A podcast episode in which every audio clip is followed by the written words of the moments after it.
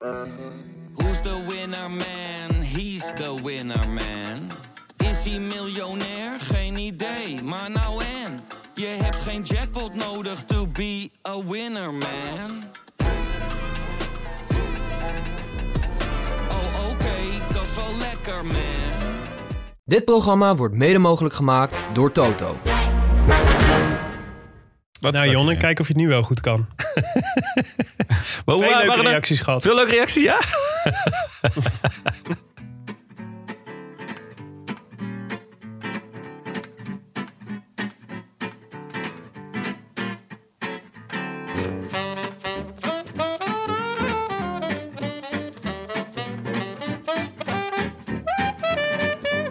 Het is zondagavond 8 november en live vanuit Tuincentrum De Vier Seizoenen is dit de Rode Lantaarn.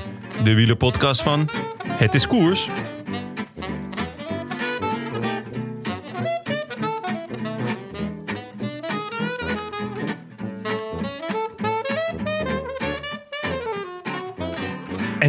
Op een fraaie herfstdag in november, kwam het hertekende wielerseizoen van 2020 tot een einde in Madrid. Een seizoen dat, misschien wel meer dan ooit, voor velen voelde als balsem voor de ziel. Want met alle pandemische misère was het voor velen, uw favoriete bankzitters in kluis, een zeer welkome afleiding van al hetgeen er in de anderhalve meter wereld gaande was.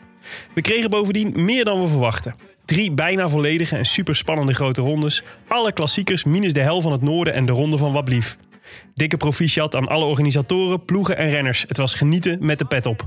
Nog 111 dagen tot de omloop. En een welverdiend super spread event bij Jumbo-Visma vanavond. De winnaar van de Vuelta 2020, Primoz Roglic. Huge moment right now. Let us see when he crosses the line. Carapaz is sprinting for the line. He's got to do so and hits it now. Clock's rolling. One second, two. We'll count them back. Here comes uh, Hugh Carthy. Don't forget the crucial uh, time is 45 seconds. We're rolling the clock. There's 10 seconds now. Roglic fighting for his life. Hugh Carthy crosses the line absolutely brilliantly. And Roglic, it looks like he's going to hold on. Absolutely amazing. He's going to be at about 20 or 21 seconds. He knows he's won La Vuelta, but what a final stage, uh, effectively, to decide the title. We ride to Madrid tomorrow, but Primoz Roglic is going to lead this race by a margin of 25 seconds. I wish I could be in the south of France. In the south of France. Sitting right next to you.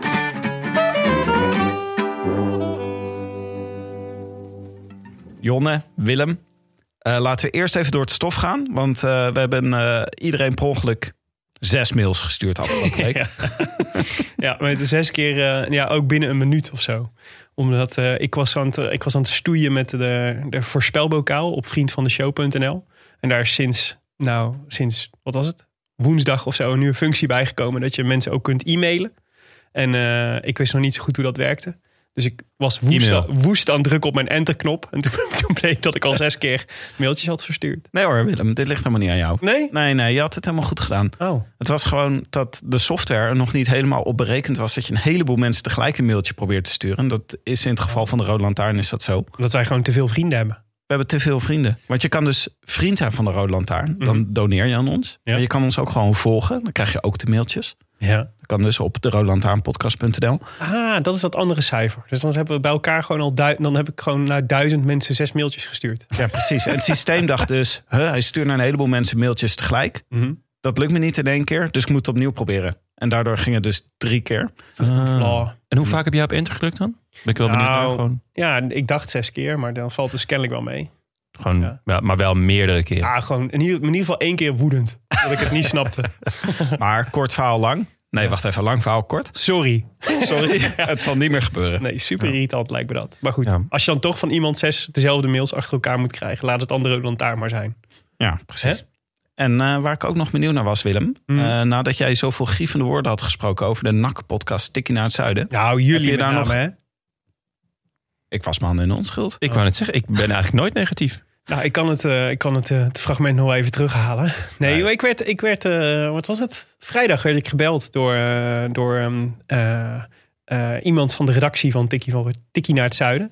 Om ons hartelijk te feliciteren met onze overwinning van de Dutch Podcast Awards. Te complimenteren met de, de stunt eh, van het onderscheppen van het omkooppakket. waar hier de, de sjaal van NAC nog in de studio hangt. En Ja. de, biertjes, de Breda biertjes lekker smaakt. De worstbroodjes heb ik eh, thuis liggen. Ja, precies. En het verzoek of ik eh, aankomende maandag bij hun in de uitzending me wil komen verantwoorden. Echt? Voor alle nare dingen die jullie over alles buiten de A10 hebben gezegd. Maar En over Pierre van Hooijdonk. Dat was leuk. Ik ben de vervanger van Pierre van Hooijdonk. Echt? Ja. Die zou eerst komen. En toen kon hij niet. Toen hebben ze mij gebeld. jezus, bijna net zo zuur. Reserve Pierre van Hooijdonk. Ja, Ben ik. dat is wel... eh, Jij bent, e- ben je echt voor NAC? Ben je, zeg maar, als Ja. Ajax tegen NAC speelt? Ja. NAC. Maar ze hebben jou gebeld. Heeft iedereen buiten de A10 elkaars nummer? Ja, ja, zeker. Ja. Gewoon ieder, je, je, Ja, dat is dan heel doe je gewoon grappig. Ze zo, hebben dan- wel Willem. Dat is zo'n, eh, je hebt zo'n dik boek. Ja? En daar staan eigenlijk alle telefoonnummers in van iedereen buiten de A10. Die Dat meen je wel niet. opzoeken. Die zijn wel goed van vertrouwen daar. Ja. Ja, zeker. Ik word eigenlijk alleen gebeld door Houd je uh, uit de brievenbus, alles. Geen sleutels. Hebben geen sleutels buiten de A10. Ja, wat Maar- een, maar dat wordt een heel leuk. heerlijke, eh, plek. Dus ik mag, eh, ik mag eh, een- denk ik een uur lang eh, een commentaar geven op, eh, op eh, NAC MVV van afgelopen eh, vrijdag. 1-4 Oh, dat is leuk. Dat, hoeveel is het geworden? voor NAC. We Oh, dat is. Oh. Dus het is een, wordt een opgetogen MVV podcast. Ja, MVV was echt, is echt de beroerdste ploeg van de keukenkampioen-divisie. Dus dat ja, zegt niet zoveel. Maar het was een welkome overwinning, want we hadden al een paar wedstrijden achter elkaar verloren. Met dank aan corona. Oh ja. Maar goed, mocht je meer geïnteresseerd zijn in mijn NAC-verleden... Dan, dan, dan, dan mag je maandag luisteren naar Tikkie naar het Zuiden. Ik ga niet luisteren. Tikkie Hallo, werden van wel, Jonne, kom op. Echt wel, Jonne. Je gaat er wel Gewoon luisteren. uit eh, interesse. Ja? Ik, ik luister echt al veel naar jou, hè? Dat moet je niet vergissen. Ja, hm, ja. Eh, een paar rectificaties. Ja, Eerst eh, twee eentje- NPO-rectificaties. Ja, Oh, dat is leuk. ja, Televisie-rectificaties. televisierectificaties. Eh Maarten de Groot schrijft naar ons klein verzoek tot rectificatie. Bij het opzoeken van de vorige winnaar op de Alto La Covatia zegt Tim dat hij de B van Bouke Mollema wil invullen. In 2 voor 12 moet je dan echter de eerste letter van de achternaam invullen. De M dus. Ja. Ja, ik had zo'n belletje, weet je wel. Tingelingeling. Toen zei ik, oh, het was eh, vorige keer Bouke Mollema. Ja, Dus de B. Ja, Maar dat is niet zo. Dat is de M. Dat is best belangrijk. En een eh, belangrijke rectificatie over de Masked, Masked Singer. Ehm, wat ik afgelopen vrijdag dus voor het eerst heb geki- Ik ook. gekeken. Ja, ik dacht ook, nu we net zo groot zijn als de Mast Singer. Ja. ja. Met Bab- Babette van Veen als eh, glamourvlieg. Loretta Schrijver in de jury. Oh ja, ja, ja, Wat ook. is, een, wat is een glamourvlieg? ja dat is gewoon een, een, een vlieg met heel veel glitter op zijn lijf. Zoals verkleed als vlieg. Maar die, had- die vlieg had dan allemaal... Die zag er glamorous uit. Ja, die klinkt, ja, die klinkt raar, dat snap ik. Maar het, is- het, was, het, was, het was dat toch, Tim? Het was een glamourvlieg? Het is exact wat het is. Ja. En eh, is toch wel echt Babette het van einde van de formule, hoor, qua mensheid. Ja, maar wel goed, goed weer 3 miljoen en twee kijkers. Want Tim en ik waren erbij gekomen deze vrijdag. Ja. Dus een nieuw, een nieuw eh, kijkcijferrecord. Maar het bleek dus, het is op RTL en niet op SBS6. Want op een camping draag je immers geen masker. Daar is geen schaamte, zei Ruud Tax. Wat ik een uitstekende rectificatie vond. Ja, Ruud, dankjewel. En, ik heb het ehm, idee dat Ruud een, een, een eiland eh, van realisme is in een oceaan van diarree. Ja, dit is eh, ja, prachtige metafoor. Dank je. Ook, uh, ook Roelf-Jan Duin wees ons hierop. Ja, Het is toch goed dat meerdere mensen dan denken... ho, eens eventjes. Ja. Twee eilanden. Maar ik moet zeggen, wat vond je ervan, Tim, van de Masked Singer? Ja, het is, uh, ja, het, het is volstrekt infantiel programma... maar het is wel leuk om naar te kijken. Ja. Vind je niet? OMG. Ik, ik vond het eigenlijk helemaal niet zo echt. Ik kan niet zo goed tegen dat soort geëxalteerde, gemaakte enthousiasme van die BN'ers die dan zeg maar in de, in de die dan moeten raden wie erin zit. Ik, Mhm. ik geloof ze gewoon niet dat ze echt dat ze echt super enthousiast worden van Babette van Veen in een vliegtuig. ja, Ja, Deze kan op een tegeltje hoor. Die kan echt op een tegeltje. Ik moet zeggen dat ik ook niet zo heel lang gekeken heb. Want het was natuurlijk ook verkiezingsavond in de Verenigde Staten. Of tenminste, ja. de dag drie van verkiezingsavonden in de Verenigde Staten. Mhm. Is daar nog iets gebeurd? nou, toen niet. Toen zat ik dus gewoon nog steeds, weet je wel. Zaten we, we hebben donderdag en vrijdagavond de hele avond CNN gekeken. Ja. Om uh, te wachten of Pennsylvania eindelijk binnenkwam. Ja. Maar dat was eigenlijk toch nog wel leuker dan de Mast Singer. Ik vond het wel spannend toen Movistar voor Biden ging rijden. Van welke, uh, van welke zender vind je de reclames vetter? Van CNN of van Eurosport? Bij CNN, die, maar die, de big shot van CNN, dat is raar. Ja. Wat is de big shot? Eh, Dan krijg je midden tijdens de reclame krijg je een aantal uh, stille, uh, bevroren plaatjes van Ja. sporten. En dan staat er zo, Djokovic heeft nog steeds een goede voorhand. En dan zie je Djokovic een voorhand geven. dat je dan denkt, wat is de context hiervan? Nee, maar het is, er zit heel veel op CNN. Dus schijnt dus de internationale CNN heel veel opvul reclame te zitten. Omdat de adverteerders bij CNN moeten een enorme premie betalen als ze ook op de internationale CNN willen. Maar omdat al die momenten allemaal gelijk lopen, hebben ze gewoon vaak reclamevakken niet goed gevuld. Dus al helemaal online, als je online kijkt, gaat het beeld gewoon op zwart. Eventjes. ja. Dat staat is er helemaal hier, bizar. hier wordt de commercial afgespeeld. Ja, hier had uw commercial kunnen staan. Maar die, de Big Shot refereert denk ik naar sportfoto's. Mhm. Maar het zijn dus volstrekt random. Weet je wel, er staat er ook... eh, die en die is weer goed op Roland Garros. Of eh, Ja. nou, Ajax ook weer lekker op dreef. Maar de keuze is Eurosport Ja, echt ik- far boven, boven Ja? CNN. De Cooking Revolution gewoon Ja. wel boven de big shot. Ja, ik ben er wel echt weer aan gehecht geraakt. Ja, ja dat is wel waar. Dat is onderdeel van de cult. Goed. Oké, Nou, tijd voor een natje. ja. Timmetje, wat heb je voor ons meegenomen, jongen? Ja, vrienden. Om het einde van het wielerseizoen te vieren.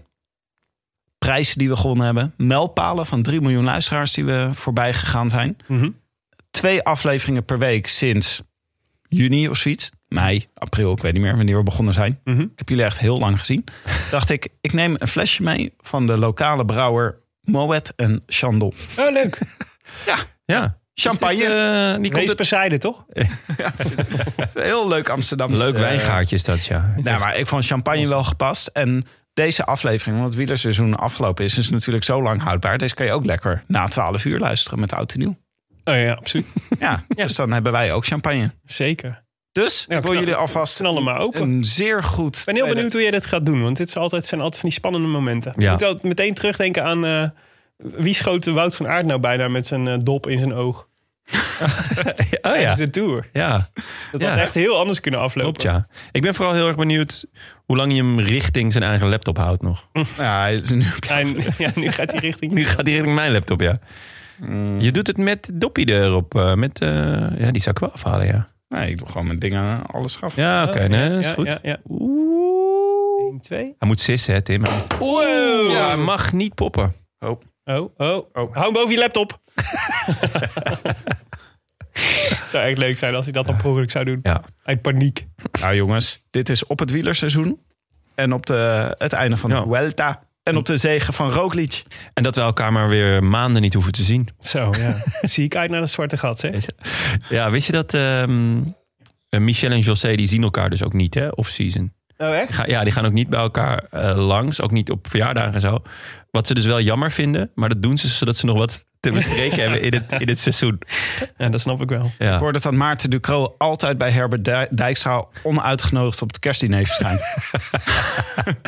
Die dan ook, daar ook allemaal eh, rare stellingen poneert. meerdere, meerdere keren gevra- gevraagd om niet te komen. En zegt hij, zou ik eens even mijn mening geven over, eh, over het everzwijn dat op tafel staat. Ja. hey, jongens, eh, cheers. Cheers. Ten eerste. Eh, lekker Haags bakkie, Tim. Dankjewel. Op, eh, op de afgelopen 27 afleveringen. Ja, mooi. Ehm, en misschien moeten we toch nog eventjes om te beginnen. eh, want eh, eh, as we opneem, wordt, tape, wordt, worden de laatste 10 kilometer van, deze, van de Vuelta van 2020 gereden. Dus die kunnen we zo meteen live.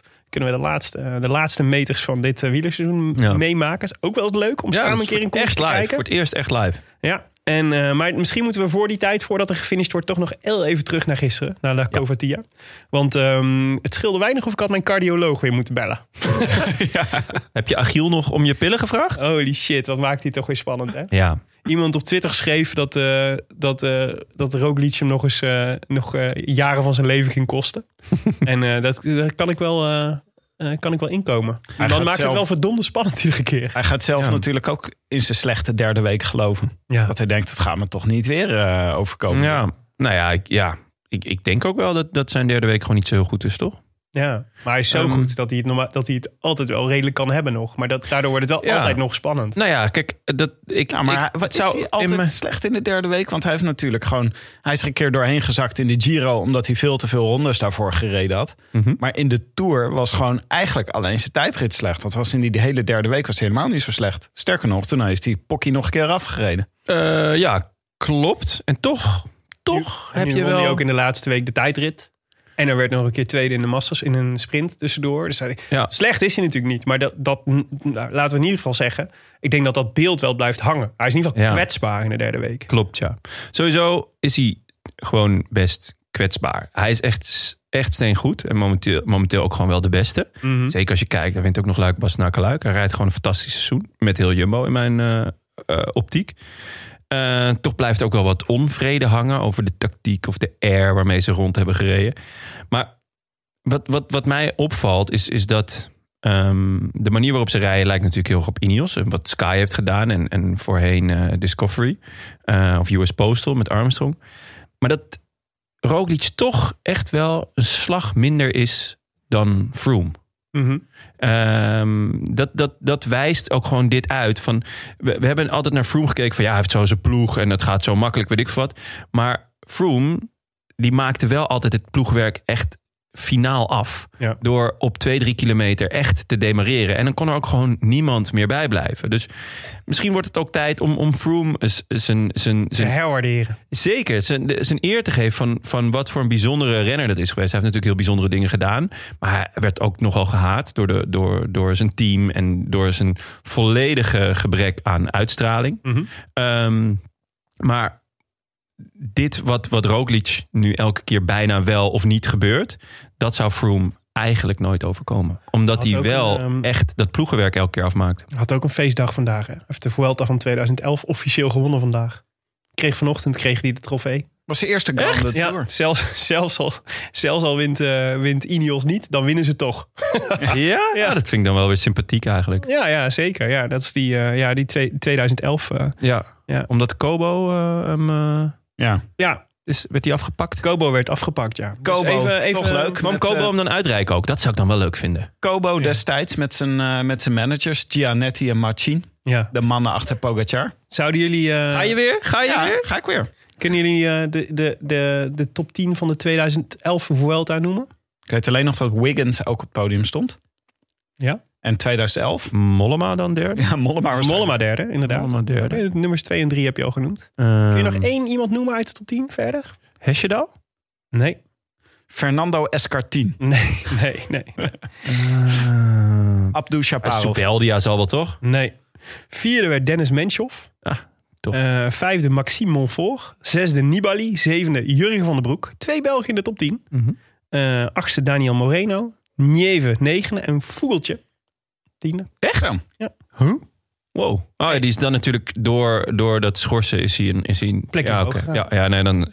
Ik heb in mijn hoofd dat hij hier voor deze Giro pas één keer top 10 had Nou, gereden. twee keer nu. Maar nu Met dank keer. aan Kobo. En Niebe gewoon op de plek waar hij hoort. De negende plek in de Vuelta. Ja, Ja. Hij is er nog. De orde is dit hersteld. jaar rijdt hij toch ook mee? eh, teleurstellend. Veertiende. Ja. Vijf, vijf plekken te laag. Ja. Maar hij is de enige van deze top 10 die dus in de Vuelta nu nog meerijdt.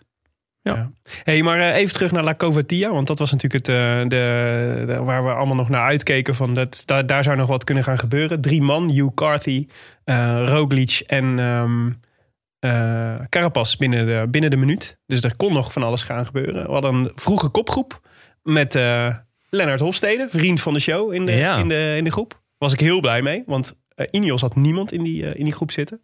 En net op het moment dat ik hem vergeten was, Ja. En Carapaz aan, eh, aan het vallen was. Wie kwam daar? Het was een prachtig beeld van de, de mannen die met z'n allen de berg opreden richting de zon. Prachtig licht, wat soort tegen. Ze reden echt naar de zon toe. En wie zakte daar terug uit, uit de zon, uit het zonlicht?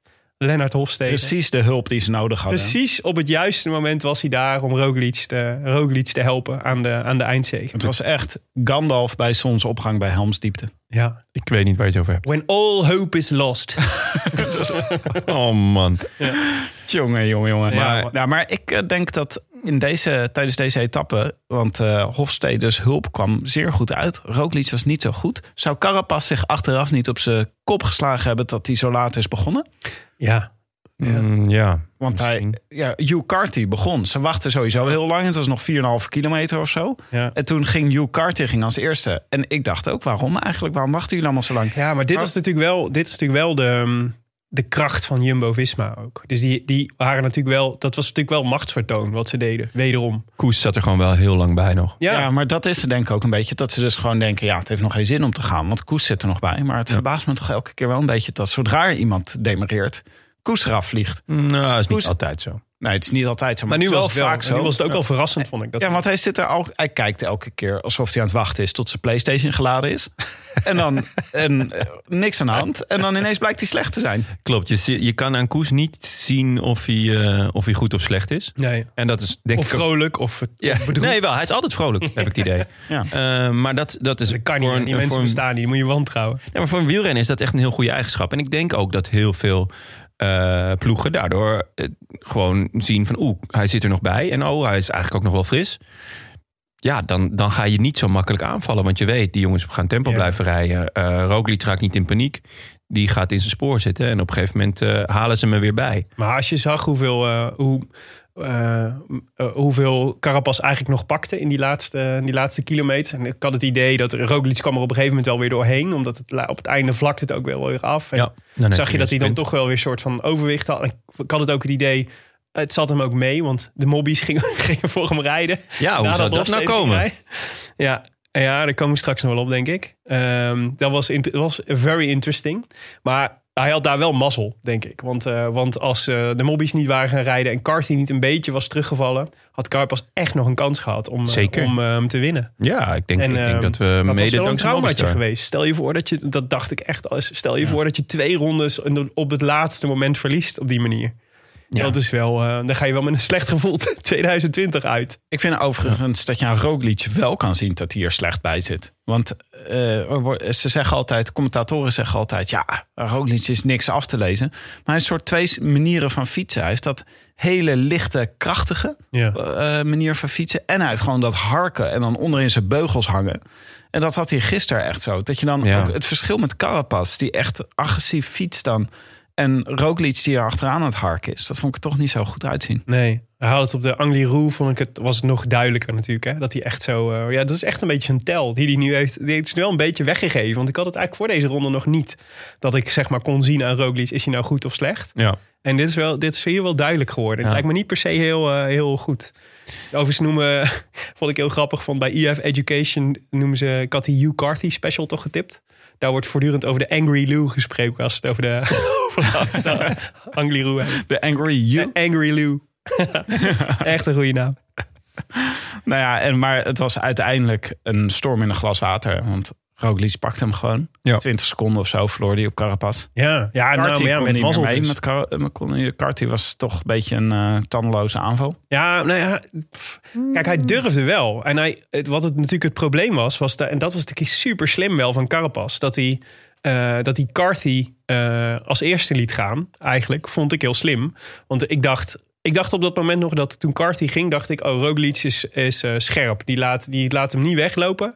Eh, maar Carthy heeft wel, want het was wind tegen, een berg op. Dus het is super zwaar als je dan gaat aanvallen. Dat is nog extra, want dan rij je gewoon vol in de wind. En hij moest dat twee keer doen, Carthy, om weg te komen. En toen dacht ik, ja, mooi, die is uitgeschakeld. En toen ging Carapaz en die, ging, eh, die, ging, eh, die had maar één eh, cartouche die hij hoefde te verschieten, zeg maar. Eh, toen Roglic ook al, eh, ook al ehm, eh, op was. Dus het was wel het was slim bekeken van hem. Ja.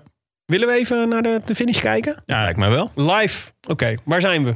ik zie Bora voorop rijden. Het is nog 300 meter of zo. 300 meter. Bora voorop. Voor Akkerman. Voor Akki. Ja. Dat zal Selig zijn dan? Wie zit daar nog meer? Jasper Philipsen? Jasper Ja. Philipsen. En, eh, ja, we en zien Bennett. altijd dezelfde drie sprinters. hè? Oh, nu, moeten we, nu wordt het natuurlijk wel aardig verplicht dat we troep toepraten naar de finish. Ja, inderdaad. Akki gaat aan. Aki gaat aan en daar komt eh, Bennett Ja, in zijn Bennett, wiel. ja, Bennett met de snelheid. Oh, Akkerman weer te vroeg. Aki Bennett komt er makkelijk Bennett, overheen. Aki Ja, Bennett? het is Bennett. Bennett. Oeh, zeg het maar. Bennett. Bennett? Bennett. Bennett voor Het Akkerman. was Bennett. Bennett voor Hij is voor Leon, hè? Ja? Ja, dat is zeker voor Leon. Van Ja, die zit nu te kwispelen thuis. Ja. nou, prachtig. Schitterend, Fotofinish. jongens. Nee. Maar is Roglic al over de finish? Ik, eh, Ik weet niet of Roglic erbij zit. ik twijfel hoor. Akki of Bennett? Wat ik wel... eh, nou, Nee, toch?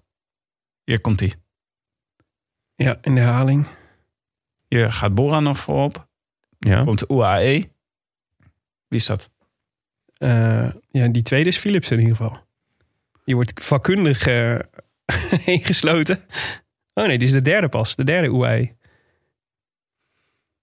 En wie is die Sunweb jongen dan? 20. Iemand van Sunweb. Die wordt derde. Maar kijk, hier komt Bennett er toch gewoon overheen? Nou, ja, Bennett komt er net overheen. Nee, Nee? maar niet hoor. Volgens mij is het gewoon Akkie. Dit is ook een schisma binnen de Rode Lantaarn-redactie geweest natuurlijk. Akkerman en Bennett. Akkerman en Bennett, ja. Ja. Jonne, Jonne toch meer een Akkie? Bennett zal wel gewonnen hebben en weer gedisqualificeerd worden. Ja, kijk, als eh, Bennett alleen maar kopstoten uitdeelt, zoals jij ook altijd doet tijdens onze uitzending, dan eh, op een gegeven moment houdt het op. Maar volgens mij is het gewoon Akkie, toch? Kijk, mooie beelden van Roglic en Hofstede. Ja. Die uh, Roglic die zijn groot, de grote man bedankt. Nou, terug naar de aflevering. We zien Ja. zo wel wie er gewonnen heeft, toch? Terug naar de aflevering. Ja, precies. Nee, en, eh, maar ja, het, is, het is toch nog spannend op, eh, op eh, La Covatia. Waar overigens David Gaudu eh, een mooi nummer deed. Samen met Armirai, zijn, zijn, zijn, zijn ploegmaat. En, ehm, en ook gewoon even nog de top 10 eh, binnenreed op het laatste moment. Dat vond ik wel een Nou ja, wat- mooie poets. Wat Gaudu deed, hoopte ik dat Wout Poels gisteren zou doen. Maar Poels die, kwam op 3,5 minuut binnen. Ja. Ja, ja dat, was, dat was nog wel eh, leuk geweest. Alleen dan, Gaudu stond wel een stuk verder hè, in het klassement. Ja, maar Kijk. denk je dat ze Poels niet had laten rijden? Nou, ik denk, ik denk dat Mas op een gegeven moment dan wel eh, zenuwachtig was geworden voor zijn vijfde plek. Ja, Akkerman, Ja, dan gaat- Akkerman net voor Bennett. Het toch? En de Sunweb jongens Kanter, Max Kanter. Ja. En Jasper Philipsen, Ah ja, vierde. Oké, mooi. ja. Het scheelde echt eh, Millimeters. Millimeters. Maar Oké, laten we- voor mij om het te zien. We gaan deze aflevering. we gaan deze aflevering kijken wat er allemaal in onze eh, mailbag zit. Ja. Aan, eh, aan vragen, van, vragen en theorieën van luisteraars. Eh, misschien goed om even te beginnen met terugblik op deze Vuelta. Wat gaan we onthouden van deze Vuelta? Willem Jonne. Ja, nou ten eerste de lengte. Ja. Ben ik wel benieuwd of jullie dat geslaagd vonden. Ik heb Drie dagen korter. Drie dagen korter. Ik heb het niet heel erg gemist. Ik vond het niet. eh, nee, ik vond het, vond het geen ramp, laat ik het zo zeggen. Ik vond het wel spectaculair dat het begon met een bergetappe. Maar je mist wel ook een beetje een feestelijke opening. Ik vind de opening van de Tour, de Grand Départ... vind ik toch altijd een van de leukste dingen aan de Tour. Ja, En dat miste nu een beetje in de Vuelta. Gewoon, weet je, Ja. hij zou in, eh, in Utrecht gestart hebben hè, dit jaar. Ja, Ja, zeker. Utrecht, Den Bosch, Breda was hartstikke mooi geweest. In de Ja. grote kerk in Breda. Waar ze dus dat Maden en Fred Maden niet. Ja, dan zou die langskomen. Ja, daarom. Kijk, voor de ronde is het niet per se heel erg. Maar het hoort gewoon een beetje een soort bij feestelijkheid van... eh, Maar denken jullie dat dit een, eh, een optie is om hem bijvoorbeeld eh 2,5 of twee weken Ja, te doen? nou ja, kijk, het is een beetje... Er zit natuurlijk echt een, ehm, eh, een groot verschil tussen de Grand Tours en de, en de, de weekkoersen. Mhm. En ik zie niet in waarom je niet, eh, waarom je niet zou zeggen... waarom maken, we, waarom maken we van de Vuelta niet een tweeweekse koers... in plaats van drie weken? Oké. het, is, het is van de organisatie van, waar ook de Tour van is, hè, de ASO. Mhm. Ik denk niet dat ze dat gaan doen. Ik denk dat er te veel trots is voor wat de Vuelta betekent voor Spanje.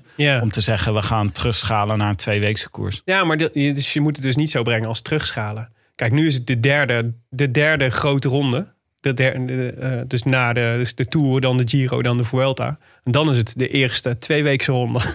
Ja, Of je gooit hem naar vier weken. Ja, Ja. dat kan ook. een week Eén van die twee. Ja. Gewoon nog zeven bergetappes erbovenop. gewoon zeven geitenpaadjes.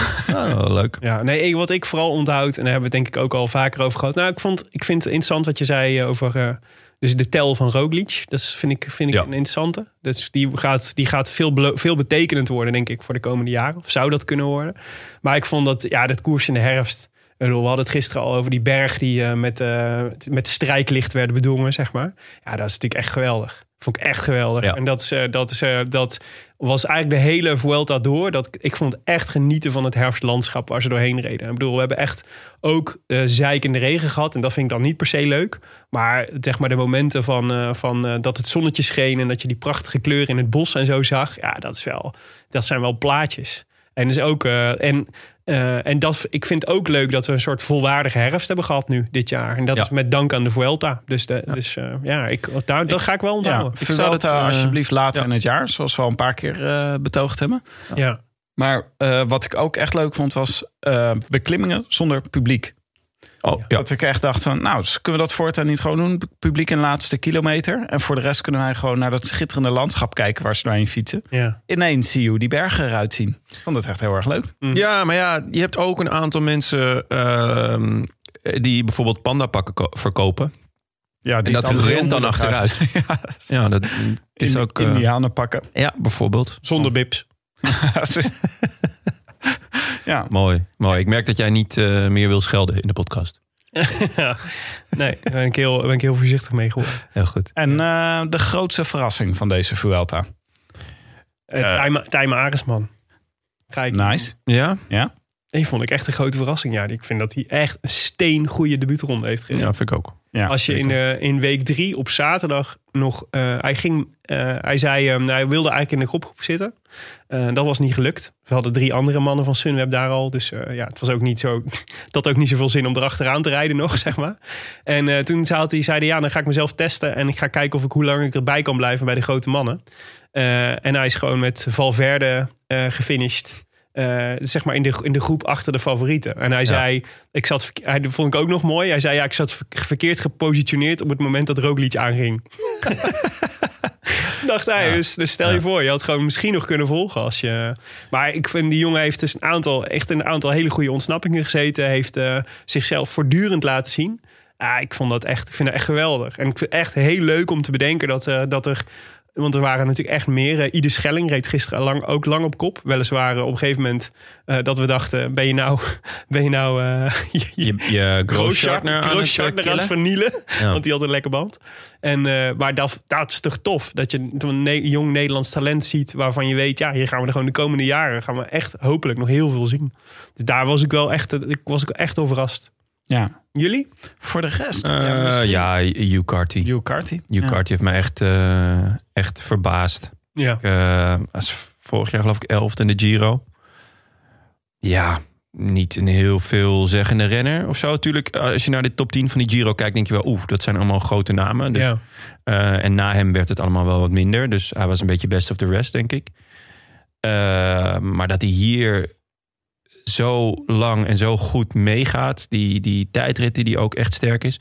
En kijk, de Vuelta is altijd eh, wel een beetje gemankeerd qua eh, klimmers. Van ja, wie is er nog goed? En eh, er zijn heel weinig mensen die echt hun hoofddoel maken van de Vuelta. Ehm, eh, zeker ook dit jaar met, met die overvolle kalender natuurlijk. Maar je hebt gewoon wel echt twee absolute wereldtoppers aan de start staan. En dat zijn Roglic en, eh en Carapaz. Die al eerder een grote ronde hebben gewonnen. Die meedoen om, om, om de eindzegen in de Giro en de Tour. En hij, eh, hij komt gewoon op eh, binnen een halve minuut, geloof ik, eh, komt hij binnen. Of eh, wat, Ja. wat, wat wordt hij uiteindelijk? Of, op 1.15 uiteindelijk.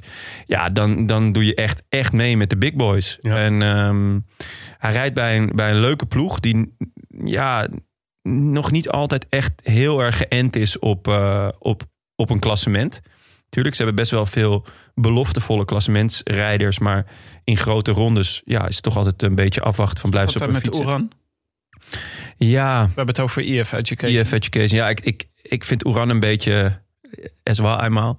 Ik kijk meer naar de Higita's en de Felipe Martinez. Dus Ja, zit- maar die gaat weer naar Ineos. nu. ja, die gaat dan naar Ineos. Dus, maar er zit daar best een talentvolle lichting aan te komen. Ja. Eh, dus ik ben heel erg benieuwd eh, wat hij, of hij volgend jaar gaat bevestigen in, in bijvoorbeeld de Giro.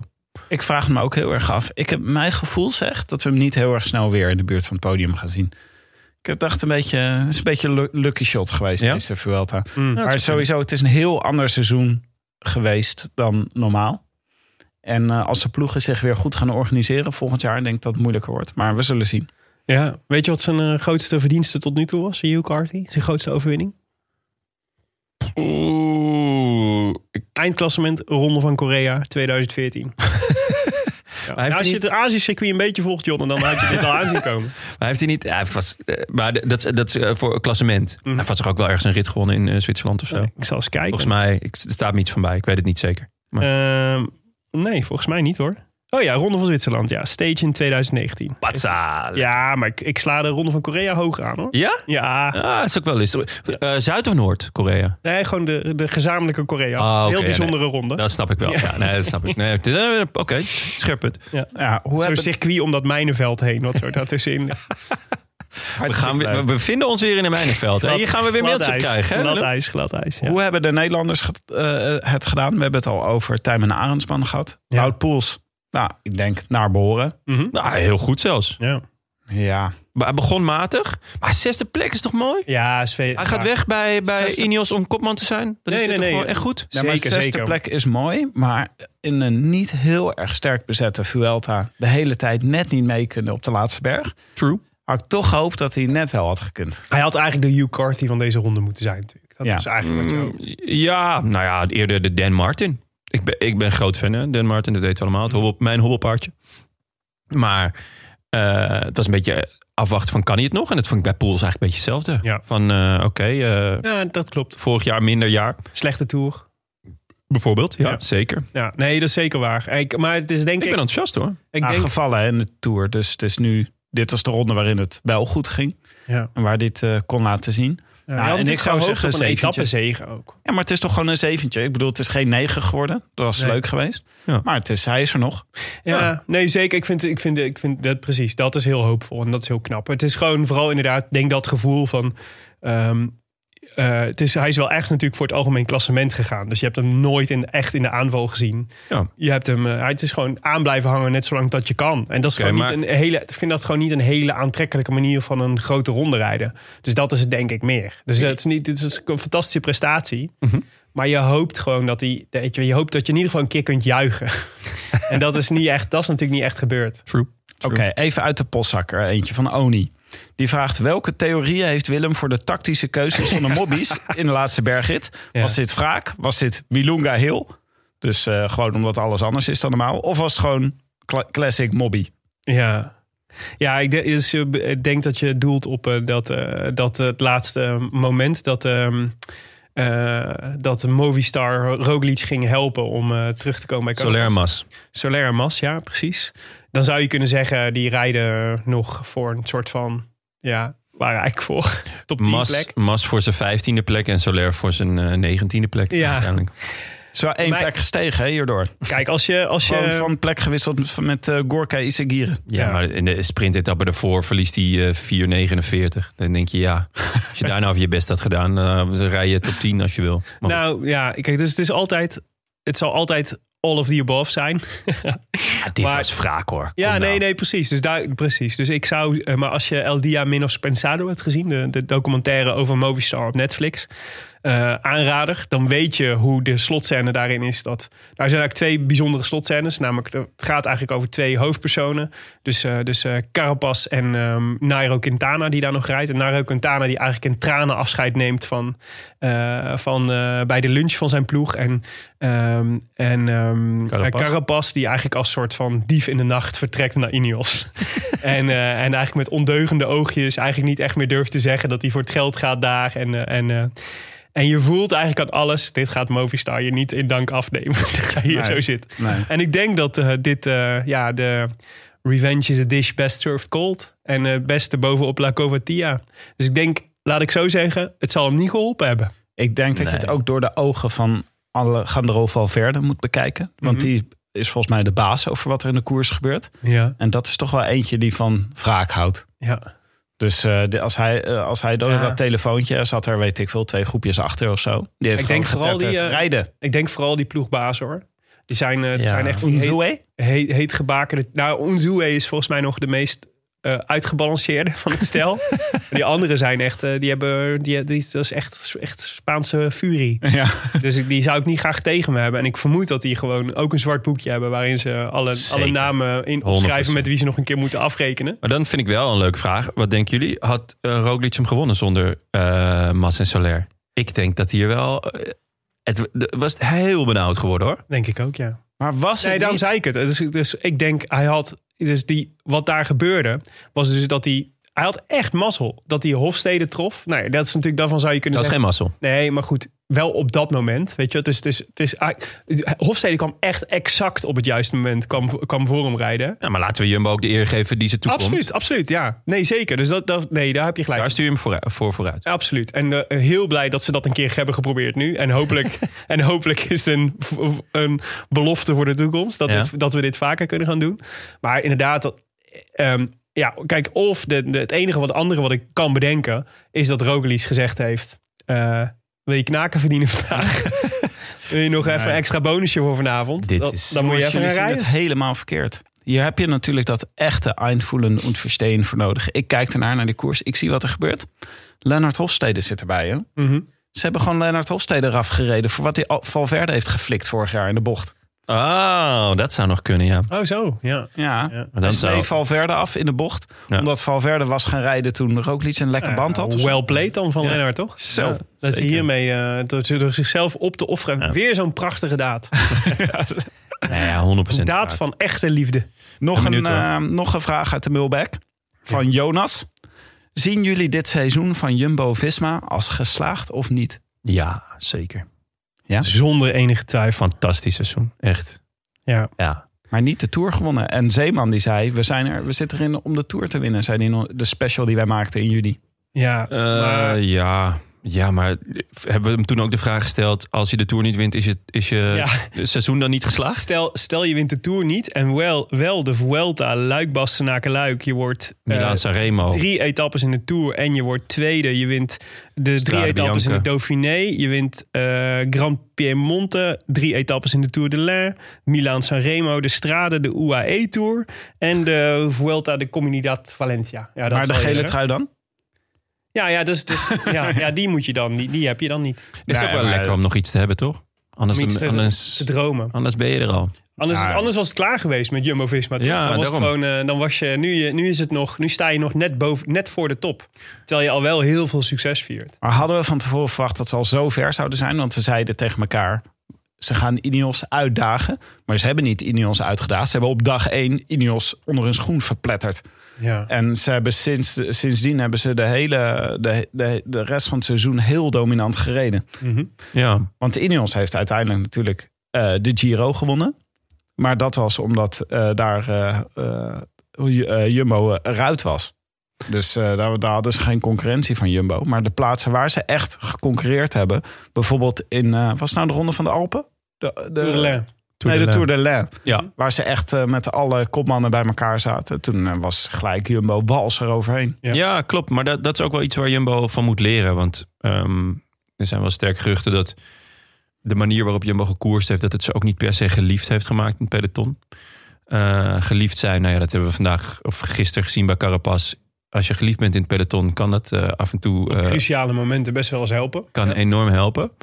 Ehm, nou, het is toch ook een Nederlandse ploeg. Die, die Nederlanders zijn toch ook wel een beetje te boeken als arrogant. En eh, Mhm. we doen het wel even. En, hè. en Tim, wij hebben ook best vaak discussies. Jij vindt dat zij te veel onnodig op kop rijden. Dat vind ik eigenlijk ook. Er zijn natuurlijk momenten dat je wel op kop moet rijden. Je, je verantwoordelijkheid moet nemen. Je moet het verschil maken waar je het moet maken. En je moet niet overdreven veel eh, eh, spierballen gaan laten zien als het niet nodig is. Eh, het eigen bordje leeg eten. Dat, dat, dat, ik denk dat dat wel in de, in de analyse van hun. Ik hoop dat ze dat, dat goed gaan analyseren en zeggen van nou, goh, waar hebben we nou te veel energie verspild en waar niet. Maar uiteindelijk hebben ze toch gewoon echt, echt een debiel goed seizoen. Ja, ja, ja. Ja, ik, ja, dus ik vind het echt geen vraag. Nou, Natuurlijk, het is fantastisch geslaagd. Nou ja, Maar Tim die, eh, is kritisch. Ik ben, ik Ah, ben ik ben benieuwd. een, ben een beetje kritisch. Nee, het was een fantastisch seizoen. Ik wist niet dat ze al zo ver waren. Maar als ik een kritisch kantnoot bij mag plaatsen... is dat kopwerk op rare momenten. Ik vind dat we daar ook niet echt reactie op hebben gehad. Mhm. Dat eh, de Jumbo's af en toe gepikeerd daarop reageerden in de media. Ik bedoel, eh Geesink die gewoon mensen middelvingers stuurt op Strava. dat, is, eh, dat is nog toppunt daarvan.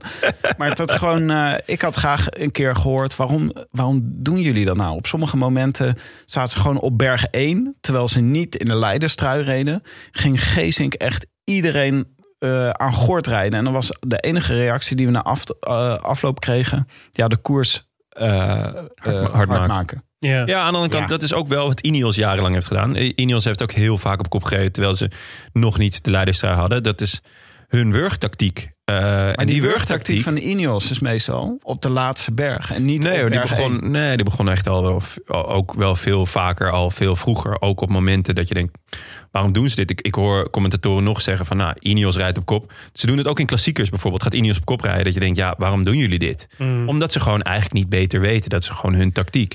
En ik vind, eh, en dat, dat zou ik heel leuk vinden als ik Jumbo was, van goh, iets meer kijken naar onze eigen specifieke kwaliteiten, naar de specifieke eh, kwaliteiten van de renners.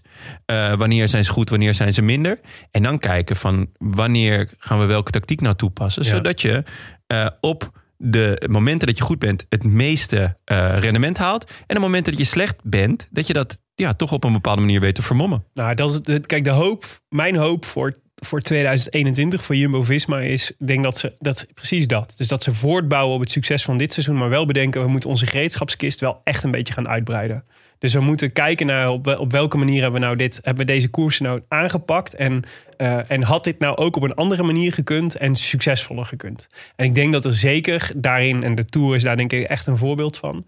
Dat, dat, je, dat er echt prima na te denken was over een ander, een ander soort strategie die wellicht meer gebracht had. Dat weet je nooit, want het is altijd alles. Maar ja, je weet zeker dat Zeeman deze winter nog eens even goed die uh, Tour gaat terugkijken. Ik denk en dat, dat gaat evalueren. Dat is een enorm voordeel. Dat je, dat je, je, er zitten echt uh, goede, slimme mensen bij Jumbo-Visma... die ook heel, volgens mij heel zelfkritisch zijn over uh, wat doen we goed en wat doen we verkeerd.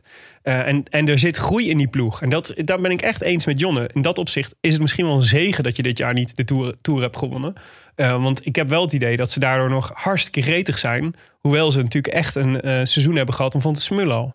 Ja, ik ben echt benieuwd wat er volgend jaar gaat gebeuren. Ik kijk ook heel erg uit naar een uh, showdown tussen Jumbo en Ineos op hun sterkst. Want dat is toch een beetje wat we gemist hebben. Ja. Het was, ja, Ineos ontliepen elkaar een beetje. Ineos heeft natuurlijk ook echt weer geweldig ingekocht. Dus een soort, uh, zijn ook weer sterker geworden. Hoor. Ja, precies. Dus ik denk dat het in de Tour volgend jaar, dat we dat wel kunnen gaan zien. Ja. Overigens ook leuk dat Jumbo volgend jaar op Cervelo rijdt. En niet meer op die lelijke Bianchi's. Lelijke Bianchi's. Ja, maar die Bianchi's, nou dat is dus... Ze schitterend. Alleen, Ja. ze matchen zo moeilijk. Het is met je met niks. Nou, maar daarom Ja, vind het ik is een ze beetje zoals, zoals ik. ik. Ik ben ook heel mooi. Maar ja, dan zitten jij jullie erbij. En dan, overal dan vloekt het wel een beetje, ja. Ja, dat is lastig. Het is een beetje verzatje, toch? Het is gewoon, als je het zeg maar los als kledingstuk ziet... dan is het ook best wel oké, totdat het aan een lijf hangt. En dan is het verschrikkelijk. Ja, nou, ik ben blij dat ze naar Cervelo gaan. Volgens mij ziet het er alleen maar beter uit. Ik vond overigens hun shirt echt mooi dit jaar. Dus eh, ik hoop dat we volgend jaar... Ja, zwart. steeds, steeds meer richting nakken. Dan kan ik alleen maar toejuichen. Eh, de leuke vraag divisie. van Paul. Dus is eentje voor jou, Jonne. Wie is de beste knecht van dit jaar? Eh, ja, Wout van Aert, toch? Ja? Ja. Ik, eh, ik zet er eentje tegenover. Rowan Dennis. Ja, mooi. Wel een Ehm, beslissende knecht. Ik had nog een, een derde. Sepp Koes. Sepp Koes. Ja, snap ik ook wel. Ehm, Je mag er eentje meenemen. Je mag naar eh, volgend jaar Ja. Roglic. Nee, Dumoulin, de Tour. Mag één knecht meenemen. Wie geef je mee? Eh, Oké. Ja, Wout van Aert. Nee, Sepp Koes. Ja, ik zou denk ik ook van haar doen. Want heb je, die, die, dat is zo'n complete Kan alles. Ja, maar niet, maar niet, niet tot, in, eh, tot in de laatste kilometer van een, eh, van een, eh, van een buitencategorie klim. Oké, maar dan, eh, het wordt op de kant getrokken. Ja, Zit je daar dan- met Sip? Nee, nee, dan lekker, heb je, lekker waaien. nee, dan heet je Dumoulin. Dan kun je dat zelf. Dat is, niet zo, dat is nou niet per se zijn grootste probleem. Dus, dus zou, eh, als, laat ik zeggen, als ik, een, eh, als ik Nairo Quintana was, zou ik Wout van Aert meenemen. als ik Dumoulin was, zou ik voor Kuus kiezen. Ja. En Rowan Dennis ja, is natuurlijk wel, heeft natuurlijk wel de meest na Lennart Hofstede in de Vuelta. was, eh, was, De belangrijkste was Rowan. Dennis natuurlijk wel echt de, degene die het verschil als knecht het meest verschil Die van maakt. Dennis was wel wat langer, hè, die kopbeurt, dan die van Hofstede. Ja, iets, Hij bleef- iets. Ja, nou goed, ja, die blijft dan twee dagen aan kop. Ja, Ja, oké. en, en Lennart 10 seconden. Maar het waren 10 seconden. Het waren en 10 eh, ik heb Dennis seconden. niet zo in de daglicht, eh, in de zonsopgang zien. Nee, en op dat witte paard ook, dat verwacht je ook Het niet. was schitterend. Willem, Ah, ik ja. heb er eentje voor jou. Ja, Grootste koersgerelateerde teleurstelling dit jaar? ja dat is echt geen, geen twijfel over, toch? Groenewegen en Jacobsen in Polen. Ik, toen je zei geen twijfel over mogelijk, ik dacht Kelderman. Nee, ja, nou, dat, ja, dat, Oeh, en ik dacht eh, Roglic. In de laatste, eh, in de, in de laatste eh, etappe natuurlijk. daar vond ik ook wel weer schoonheid. dat vond ik ook wel weer schoonheid. ja, nee, zeker. Nee, maar nu, nu jij het ook zegt, dacht ik, oh ja, tuurlijk, volledig mee eens. Dus de- het is ook, het is, eh, nou, over dat ongeluk is natuurlijk al heel veel gezegd. En, maar waarom ik het wel onder teleurstelling reken, is eh, omdat ik denk dat het zo'n schaduw legt over hun beide super veelbelovende carrières. Ja. Ehm, en, eh, en dus het is een beetje een uitgestelde teleurstelling, misschien in dat opzicht. Niet alleen over hun carrière, het is gewoon over hun leven. Ja, precies. Ja, de, de- Het heeft de- zoveel impact op, op, alle, ja. op hun volledige zijn. Ja, nou precies. En, en, eh, en, en de- dat is natuurlijk het, het, het allerergste is natuurlijk gewoon, nou ja, ik bedoel, eh eh, koersgerelateerd dan. is natuurlijk dat je denkt, we gaan met twee topsprinters fantastische jaren tegemoet. En dat ze eigenlijk elkaar opheffen Ja. eh, in, eh, in, in één ongelukkig moment. En, ehm, daar ben ik wel echt, nou, ja, daar ben ik wel echt verdrietig over geweest. En ook wel een soort steen in mijn buik gehad, eh, best wel lang. Ja. Eh, nou ja, natuurlijk die eerste dagen toen, toen Fabio nog op de IC lag. Eh, Sowieso, maar dat ik merk dat ik nog steeds als ik daaraan terugdenk, zeg maar wel echt. Nou ja, het is wel, het is, het is gewoon, het is natuurlijk op alle fronten is het pijnlijk. Maar een ongeluk toch? Als ik er nu Ja, op nee, tuurlijk. terugkijk, Ja, ja, dan- nee. Zeker, maar, dit is- ja, ja, maar ook een ongeluk is, is toch juist verschrikkelijk?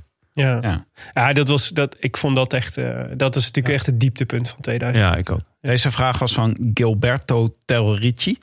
Oh, Een, een vraag van Hans van Toren. Die natuurlijk een, eh, een van onze favoriete vragen Hans is. van En- Toren hoog Ja, of zeker. laag? Ja, ik denk dat het Hans van Toren hoog is. Ja.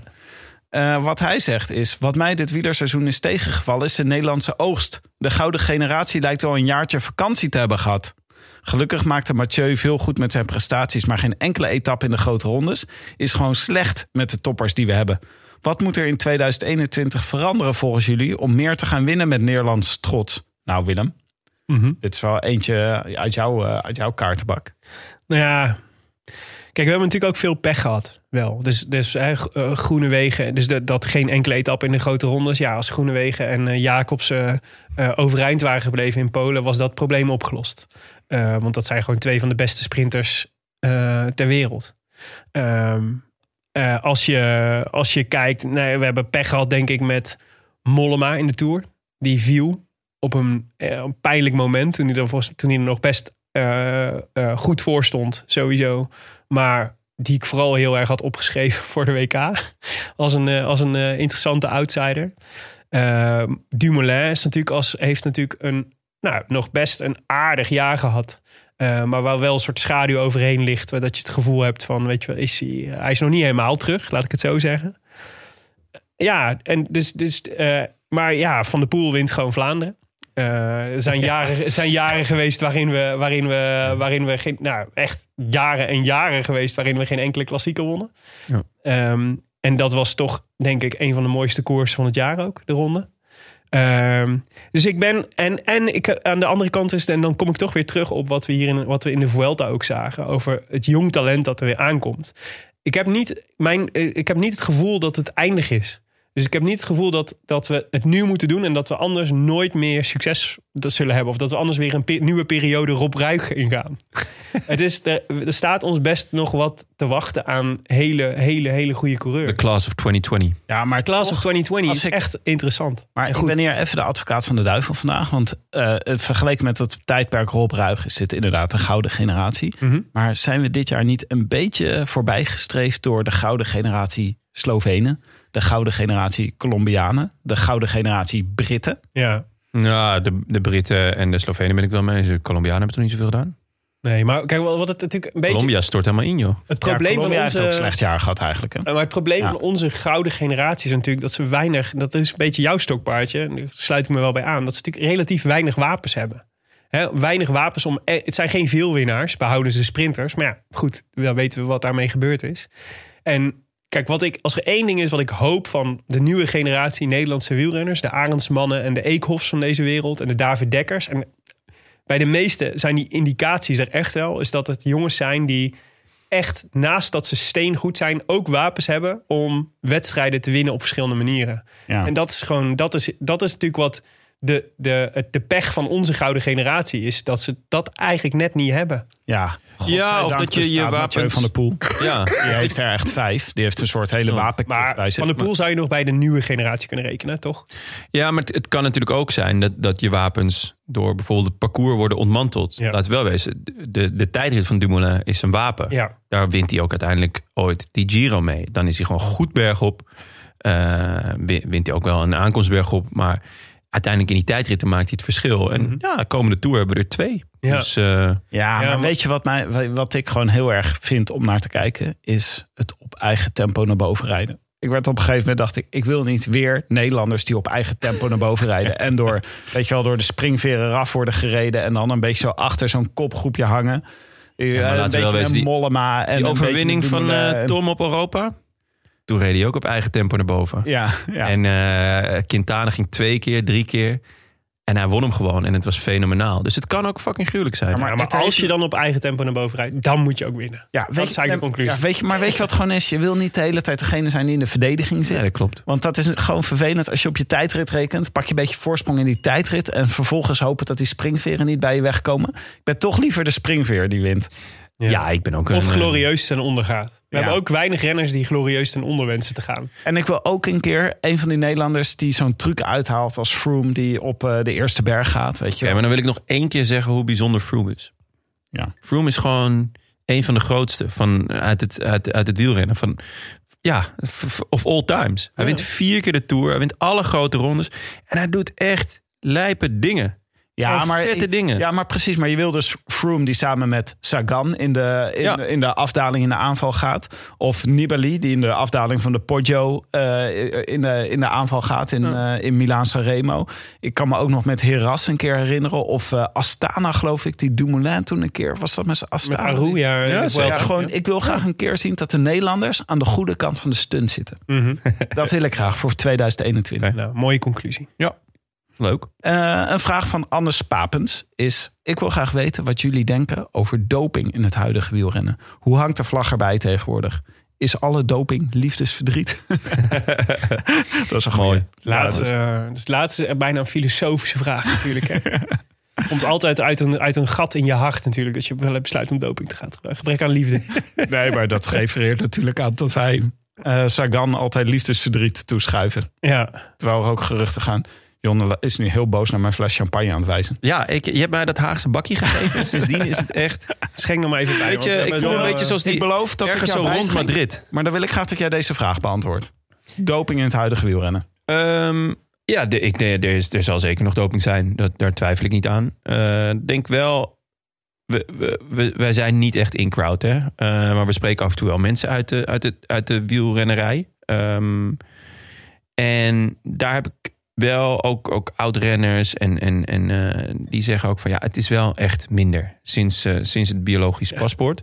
Ja, we kwamen natuurlijk ook uit wel een situatie dat het Maar ja, alomtegenwoordig Ik wou net zeggen, we, we kwamen uit een Het is situatie. heel snel minder. Het is wel minder. Het is Situatie. niet alle 180 renners uit de Nee. Tour. Ik denk dat de opkomst van die jonkies Ja. eh, ook wel een, een, een veeg teken is. Want doping is iets eh, wat toch een, het is toch een lange termijn, met name EPO, is toch een herstel. eh, Ja. ehm, eh, doping. Dus, dus het maakt dat je sneller herstelt, waardoor je harder kan trainen, waardoor je dieper kan gaan, waardoor je taaier wordt. Nou ja, dan zijn die jonkies, ja, of dat zou heel echt een stunt zijn. Al deze jonge generaties op zijn negende begonnen met doping. Dat zou natuurlijk kunnen. Dat ze daar nu de vruchten van plukken. Of, Zoals Obelix, zeg maar. ja, een beetje zo Obelix. Of ehm, ja, er, er is toch wel een, een kentering gaande. En als ik voor mezelf spreek... eh, Wat hier een bekentenis? nou, ik, ik gebruik regelmatig doping. Nee. Anders hou je die uit hè, met jullie. Twee, 27 aflevering. Nee, ehm, ik kijk er nog steeds hetzelfde naar. Van, ehm, dat mijn vreugde over Bogert Mhm. bijvoorbeeld... is er niet minder op geworden op het moment dat ik, eh, dat ik weet... van achteraf heeft hij doping gebruikt. Ehm, dus, dus mijn enthousiasme en mijn liefde voor de koers verandert er niet om. Eh, eh, dat, dat, dat zal niet anders worden totdat ik erachter kom dat er iemand een motortje in zijn fiets heeft gehad. Dan, eh, dan haak ik echt af. Dan blijkt gewoon dat ik jarenlang naar motorsport heb zitten kijken. ja, dat... en dan kan ik net zo goed Ja, eh, niet, tractor, eh, tra- de full pool gaan kijken op RTL 7. Trek de poelen. Ja. Maar ik had nog eh, een overpeinzing hierover. Is dat ik, ik vind het toch wel heel erg dat Machin en Gianetti bij eh, UAE, die zo'n dopingverleden hebben, dat die weer opduiken en dat je die weer de hele tijd bij de finish ziet staan. Vind ik echt een veegteken. Nou, ik vind niet een veegteken. Ik vind dat niet zou moeten kunnen. Die zou, hadden weg moeten zijn uit het peloton. Ja. Ik maar waar trek je dan de grens? Bij, bij, bij welke... Zo'n Nou, Ries mensen, bijvoorbeeld? die, mensen die veroordeeld zijn of bekend hebben, die moeten gewoon, mogen niet meer terugkeren in het peloton. Ja, ja. Oké, Eh, Kijk, dat is een strenge grens. ja, maar ik weet niet of dat het... eh, Je hebt wel een hele generatie die... eh, Nee, maar de vraag is, moet je dit... Kijk, waar ik, waar ik wel op hoop, is dat die generatie uit het wielrennen weg is. Maar dat is nog wat anders dan dat je ze een uh, beroepsverbod geeft, zeg maar, vanwege hun verleden. Dus ik voel daar wel mee, want ik voel heus het ongemak als ik Ries in een ploegleidersauto zie zitten. Of inderdaad uh, zo'n Machine zie aan de, aan de finish. En dat ik denk, oh, blijf met je fikken van Jasper Philipsen af. Um, dat, dat voel ik heus. Maar dat, dat, dat, het is meer dat ik het. Maar dat, dat gevoel heb ik ook bij een uh, Patrick Lefevre. Dat ik denk, ja, ik hoop dat je snel met pensioen gaat. Want ik zie het wielrennen liever zonder dan met jou. Ja. Um, en, uh, en, maar dat is denk ik wel een soort Heb je dat met Lefevre? Ja, oh, maar dat is ook een, een beetje de reden hoor. The person you love to hate. Een beetje Mourinho. Ja, er, moet toch ook gewoon, weet je, als je ja, ja, ja, maar Marijn Zeeman hebt, moet je ook een, een, een Tuurlijk is dat zo. Je hebt dat karakters heb je nodig. Dat, ja. dat voel ik ook wel. Maar, maar laat ik zeggen dan op dopingvlak, zeg maar, daar hoop ik gewoon. Ik hoop dat, dat, dat die generatie gewoon langzaam uit het wielrennen vertrekt. Dat zou heel fijn zijn. Dat zou voor het wielrennen heel goed zijn. Maar mijn gedachte wel bij doping is, ik sluit me helemaal aan bij wat Jonne zegt. Ik denk wel dat het dat we een nieuwe manier hebben gevonden om beter te presteren zonder dat je naar illegale middelen hoeft te grijpen. Dus ik denk als je bijvoorbeeld kijkt naar de, naar de bijvoorbeeld wat Sunweb en vooral Jumbo nu met voeding doen en zo. En wat we daar nu anders in doen dan vijf jaar geleden bijvoorbeeld. Dat is echt zo'n wereld van verschil. En dat blijkt ook zo'n wereld van verschil te maken. Dat zeggen al die renners ook. Hè? Dat dat gewoon. Dat dat, dat, dat. Ja, het is eigenlijk. Dat is natuurlijk de. Um, soort, dat is echt een nieuwe magische sleutel gebleken. Dus ook binnen, het is denk ik veel makkelijker geworden om, uh, om op andere vlakken prestatie te bevorderen dan, dan dat je meteen naar medicijnen moet grijpen. Het zou, ook wel een, het zou wel een goede. Ik ben nog even advocaat van de duivel hier. Het zou ook wel een goede cover natuurlijk zijn. Hè? Als je zegt, ja, een beetje dubieuze prestaties allemaal. Maar wij doen heel veel revolutionairs aan voeding. Een goede foodcoach app. ja. ja, dus zou ik me wel echt niet het voelen. Ja, maar ik, ik ben ook, waar, waar ik me helemaal mee meega met Jonne... is dat ik het niet leuk vind om over doping te praten. Dus dat is ook een van de redenen waarom we het een beetje een rode lantaarn vermijden. Wat ik een opsteker vind, is dat Roglic af en toe gewoon gigantisch door het ijs zakt. Ja. ja. ik echt gewoon, ja, dat gewoon een keer een slechte tijdrit rijdt. Of een keer niet mee kan bergop in week drie, denk ik. Nou, ja. dat is zo is hoopvol. Een beetje. Ja, ja, Human after all. Ja, eens. een leuke vraag. Als jullie één renner op een welverdiend pensioen zouden mogen sturen naar dit seizoen. Ja, ik hoef niet te antwoorden natuurlijk, want dat is Vincenzo Nibali. Maar wie zou dat voor jullie zijn? Ja, kom er maar in, uh, Lady Gaga. Alejandro. Ja? Ja. Dat is waar eenmaal? Het doet gewoon pijn. Ik, ik, uh, ik ben fan. Mm -hmm. En maar dus, ik denk niet, is eraf, hè? Ik denk niet dat hij nog. Uh, nee, ik denk ook niet dat je nog terug. Hij is nu 2,73? Ja. ja. Nee, ja. nee, nee, nee, nee, nee, nee. Hij is net. Hij is gisteren 68 geworden. Ja, oké, okay, ja, tuurlijk. Hè? Laat, me er, laat me er een klein decennium naast zitten. Mm -hmm. uh, In de Hobbit-jaren. ja, ja. ja, weet je, dat hij dan ook nu uit de, uit de top 10 valt, geloof ik. Um, ja, dat doet wel pijn, vind ik. Ik, uh, ik, ben, ik ben fan van het type renner. Um, hij is tiende geworden. Is hij tiende geworden nog? Nog net? Ja, ik dacht ja, dat het is dat hij ook niet meer kan... twee seconden voorsprong op Vlaasov. Het is, het is ook dat hij niet meer kan punchen. Nee, dat, dat vind ik het jammer. Kijk, ik ben echt fan van, um, van puncheurs. Um, en uh, met name puncheurs die eigenlijk net niet goed genoeg zijn om een grote ronde te winnen. Mm -hmm. uh, hij heeft er dan eentje gewonnen, de Vuelta, één keer. In nou, de 40 jaar dat hij koerst. Um, maar weet je, Dan Martin, uh, Valverde, Woods, groot fan ook. Die, die het wel proberen, maar toch elke keer niet goed genoeg zijn. En ja, daar is hij natuurlijk het ultieme voorbeeld van. Maar daarnaast was hij gewoon altijd wel oppermachtig in, in van allerlei koersen. En dat heeft hij niet meer. En dat vind ik wel, uh, ja, dat doet denk, wel pijn. Ik denk dat het brak uh, dat ik het zag breken bij hem in die etappe dat Kort Nielsen won en, uh, en Roglic tweede werd. En uh, mobbies, de mobbies eigenlijk voor hem aan het rijden waren om, om die sprint aan te gaan. Ja. En hij eigenlijk 50 meter voor de finish het hoofd boog en zich liet uitbollen. Ja, terwijl hij best wel lekker ging. Dat vond ik heel raar. Dacht ik ineens is hij op of zo. Ik nee, nee, nee. Wat, wat daar gebeurde was Koes ging, ging de sprint aan. Of die trok de sprint aan voor nee, Roglic. nee, niet Koes. Bennett. Was het Bennett? Ja, oh, Oké, okay. ja, ik dacht het Koes. Maar, um, want uh, Mobistar zat er met best veel man. Mm -hmm. En hij ging uh, die sprint aan. En, en, en, maar zijn, zijn laatste man ging veel te vroeg ja. eraf. Wat ook niet zo gek is, want ze zijn helemaal geen sprintploeg. En toen zat, eh, zat er dus nog een Jumbo-Visma. En die begon de sprint aan te trekken. Hij dacht voor ook niet. Toen keek hij om. Toen zag hij ineens de bejaarde kop van Alejandro. weg, ja. En toen reed hij weg. En toen zat Alejandro ineens van... Ja, scheisse. Ja, maar hij, hij sprintte, hij gaf het 50 meter voor de finish op. En ik denk in die anderhalf seconde tot de, tot de meet... heeft hij denk ik besloten, het is wel klaar. Toen zag je hem knakken. Ja. Oh, wat goed, Willem. Oké, eh, even, iets, eh, even genoeg over de koers. Even over jullie zelf. Oh? Bernadette Nolens en Huub en Kai van der Wiel vragen eigenlijk hetzelfde. Hoe kennen wij elkaar? Hoe is dit tot stand gekomen? Dit duiden van dit wielrennen? Ja, niet. Nou, Ik ken jullie helemaal niet. Wie zijn jullie eigenlijk? Hoe lang zitten jullie hier al? Wat hebben jullie allemaal gehoord? nou een kleine En geschiedenis. jullie kennen elkaar al jaren. Een culturele geschiedenis van de Rode Lantaarn is dat Willem en ik kennen elkaar van de verkiezingscampagne van Lodewijk Asscher uit 2010. En dan niet eh, de commerciële R&B-artiest, maar de, de politicus. Mhm. Ja, dat halen mensen vaak door elkaar. Daarom. Maar in, eh, als je Willem en ik zou kennen, dan zou je weten dat het om de politiek ging. Als je mij zou kennen, dan wist Ja, je dat het om de commerciële R&B ging. En toen eh, waren we, eh, eh, Willem en ik zijn gewoon met het podcast begonnen. Met, eh, t- toen podcast eigenlijk nog een beetje een woestijn was, dachten wij, we gaan elke dag tijdens de tour een We podcastaflevering gaan een maken. oase oprichten, dacht ik toen. Tien jaar ouder geworden, Mhm. met huilende baby's naast ons op tafel. Zeker. En Jonne is erbij gekomen omdat we toen een keer naar de tourstart in Düsseldorf gingen. En eh toen Oh ja. we luisteraars meenemen. Toen namen we Jonne mee en die bemoeide zich met alles wat we deden.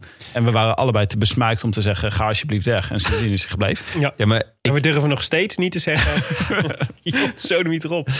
nee, Het is ja, helemaal niet jouw podcast. Ik, eh, ja, nee, maar jullie hebben mij meegevraagd. Althans, via Anne Janssens is dat gegaan toen. Dat is eh, jouw medeoprichter van Dag en Nacht. Want ik was, eh, ik was al van plan naar, de, naar die tourstart te gaan. En ik schreef altijd, eh, ik schreef altijd onzinstukjes. Voor eh, af en toe wat websites en af en toe voor mezelf. En af en toe voor wat, eh, wat, wat ander volk. En ehm, toen vroeg je mee en dat, dat klikte helemaal niet. Maar toen kreeg ik een paar maanden na een appie of ik, of ik, of ik jullie podcast wilde produceren. En ik wist eigenlijk niet zo heel goed wat dat inhield. En nog steeds zit ik met heel veel vragen. Maar ehm, nee, en dat, dat, dat, klikte, dat klikte heel goed. Het was een heel leuke dag in Düsseldorf toen. Ja, de Ondanks- tourstart in Düsseldorf, regen. Valverde ging voor ons neus eh, op zijn snuffert. Ja. Eh, Nou, dat schept toch een band, hè? ja, het idee was een beetje... Jonne dacht dat het door hem kwam. En toen was het wel eh, een van de momenten waarbij wij dachten... ja, hij praat op dezelfde manier over wielrennen als wij. Deze moeten we hebben. Dus dat was gewoon een hele leuke dag. En Ja. ja, ja ondanks dat Valverde, die toen echt een van de favorieten... voor de eindzeg van de Tour was... die ging Ja. echt eh, grandioos op zijn mel. Ja. En viel uit. Gebroken knieschijf. Leuke vraag van Hupe is ook... wie was de eerste vriend van de show? Ja. Ja, dat moeten jullie. eh, Nou, we hadden natuurlijk in het seizoen 2016 hadden we in de, in de tour van 2016 hadden we natuurlijk een aantal speciale gasten. Eh, Leon Guijen sowieso, de, de voorzitter van Het is Koers. Ehm Bellemakers was er toen ook al. Lodewijk Asscher was toen een keer, eh, is toen een keer te gast geweest. Michael Bogert hebben we toen eh, als, eh, als speciale gast gehad. Maar we zijn we nog in, naar een strandtent in Zandvoort gegaan om, hem, om Michael Bogert te interviewen. Met lag je daar te zonnen? met knikkende knietjes. Ja, ik weet niet wat hij daar deed. Oh nee, die was daar voor spijkers met koppen. Zomerspijkers. Dat je ja, de cirkel is rond. Ja, Ja. schitterend. Daar waren jullie ook laatst. Daarom is Ja. de cirkel rond. Daarom is de cirkel rond. Ja, precies. Anders was hij vierkant. Dus Michael Bogert was denk ik de eerste echte de wielersceleb die we hebben. Ja, maar dit is, deze vraag wordt gesteld door Huub. Ja, en maar het de is eerste, ongetwijfeld Huub Bellemakers. de eerste officiële... Ja, Huub stelt is de vraag zichzelf? Dat is een andere Huub. Kan je Eh, zo aansluiten hoor? Oh, de officiële eerste special hebben we gemaakt met Dylan van Baarle volgens mij. Nee, nee, nee, nee. nee. Ike Visbeek was ervoor. Nee, zeker niet. Ja, wel. Ja? Ja, zeker. Want dat was de, dat was de eerste aflevering waar ik bij was. Als Ah. producer toen nog. Hmm, Oké, nou Eike Visbeek dan. Enfin. Toen gingen we met hem uitgebreid praten. En toen eh, verklapte hij dat eh, Tom eh, de- voor een klassement ging in de Tour. Dat is waar, ja. Toen eerste- kwamen we op teletext. Ons eerste 101'tje. Ja. Ja, maar het is natuurlijk met dat vriend van de show is natuurlijk altijd een beetje geweest dat iedereen die wel eens iets tegen ons gezegd heeft, iets aardigs bij een geurvlaggetje omheen Ja, ja, door zijn vriend van de show te noemen. Ja. En dus eh, dat, eh, ja, dus zo, zo is het gegaan. En daar is uiteindelijk ook het platform uit vandaan gekomen, toch? Want dus, dus wij, noemden, wij noemden dat al iedereen te pas en te onpas vriend van de show. Ja. Ja, En toen werd dat in één keer de duiding voor alle vrienden van podcast van Dag en Nacht Media. Ja. vriend van de show. Tim, een vraag voor jou. van Martijn. Als nieuwe luisteraar dit jaar en nieuwe vriend van de show vroeg ik me af waar dispuut uilenbal vandaan komt. Een toelichting van een oude meme zou welkom zijn. Dank. Ja, nou, eh, Martijn, ik, eh, ik eh, kan nogal goed bekakt praten. dus Tim komt uit Leiden. ik kom uit Leiden. En eh, ik eh, ben ook voormalig korpsstudent. dus dan leer je gewoon heel goed om... nou, Niet bij uilenbal, toch? Niet bij Dispute Uilenbal. Dispute Uilenbal is volgens mij van Jiske Vet.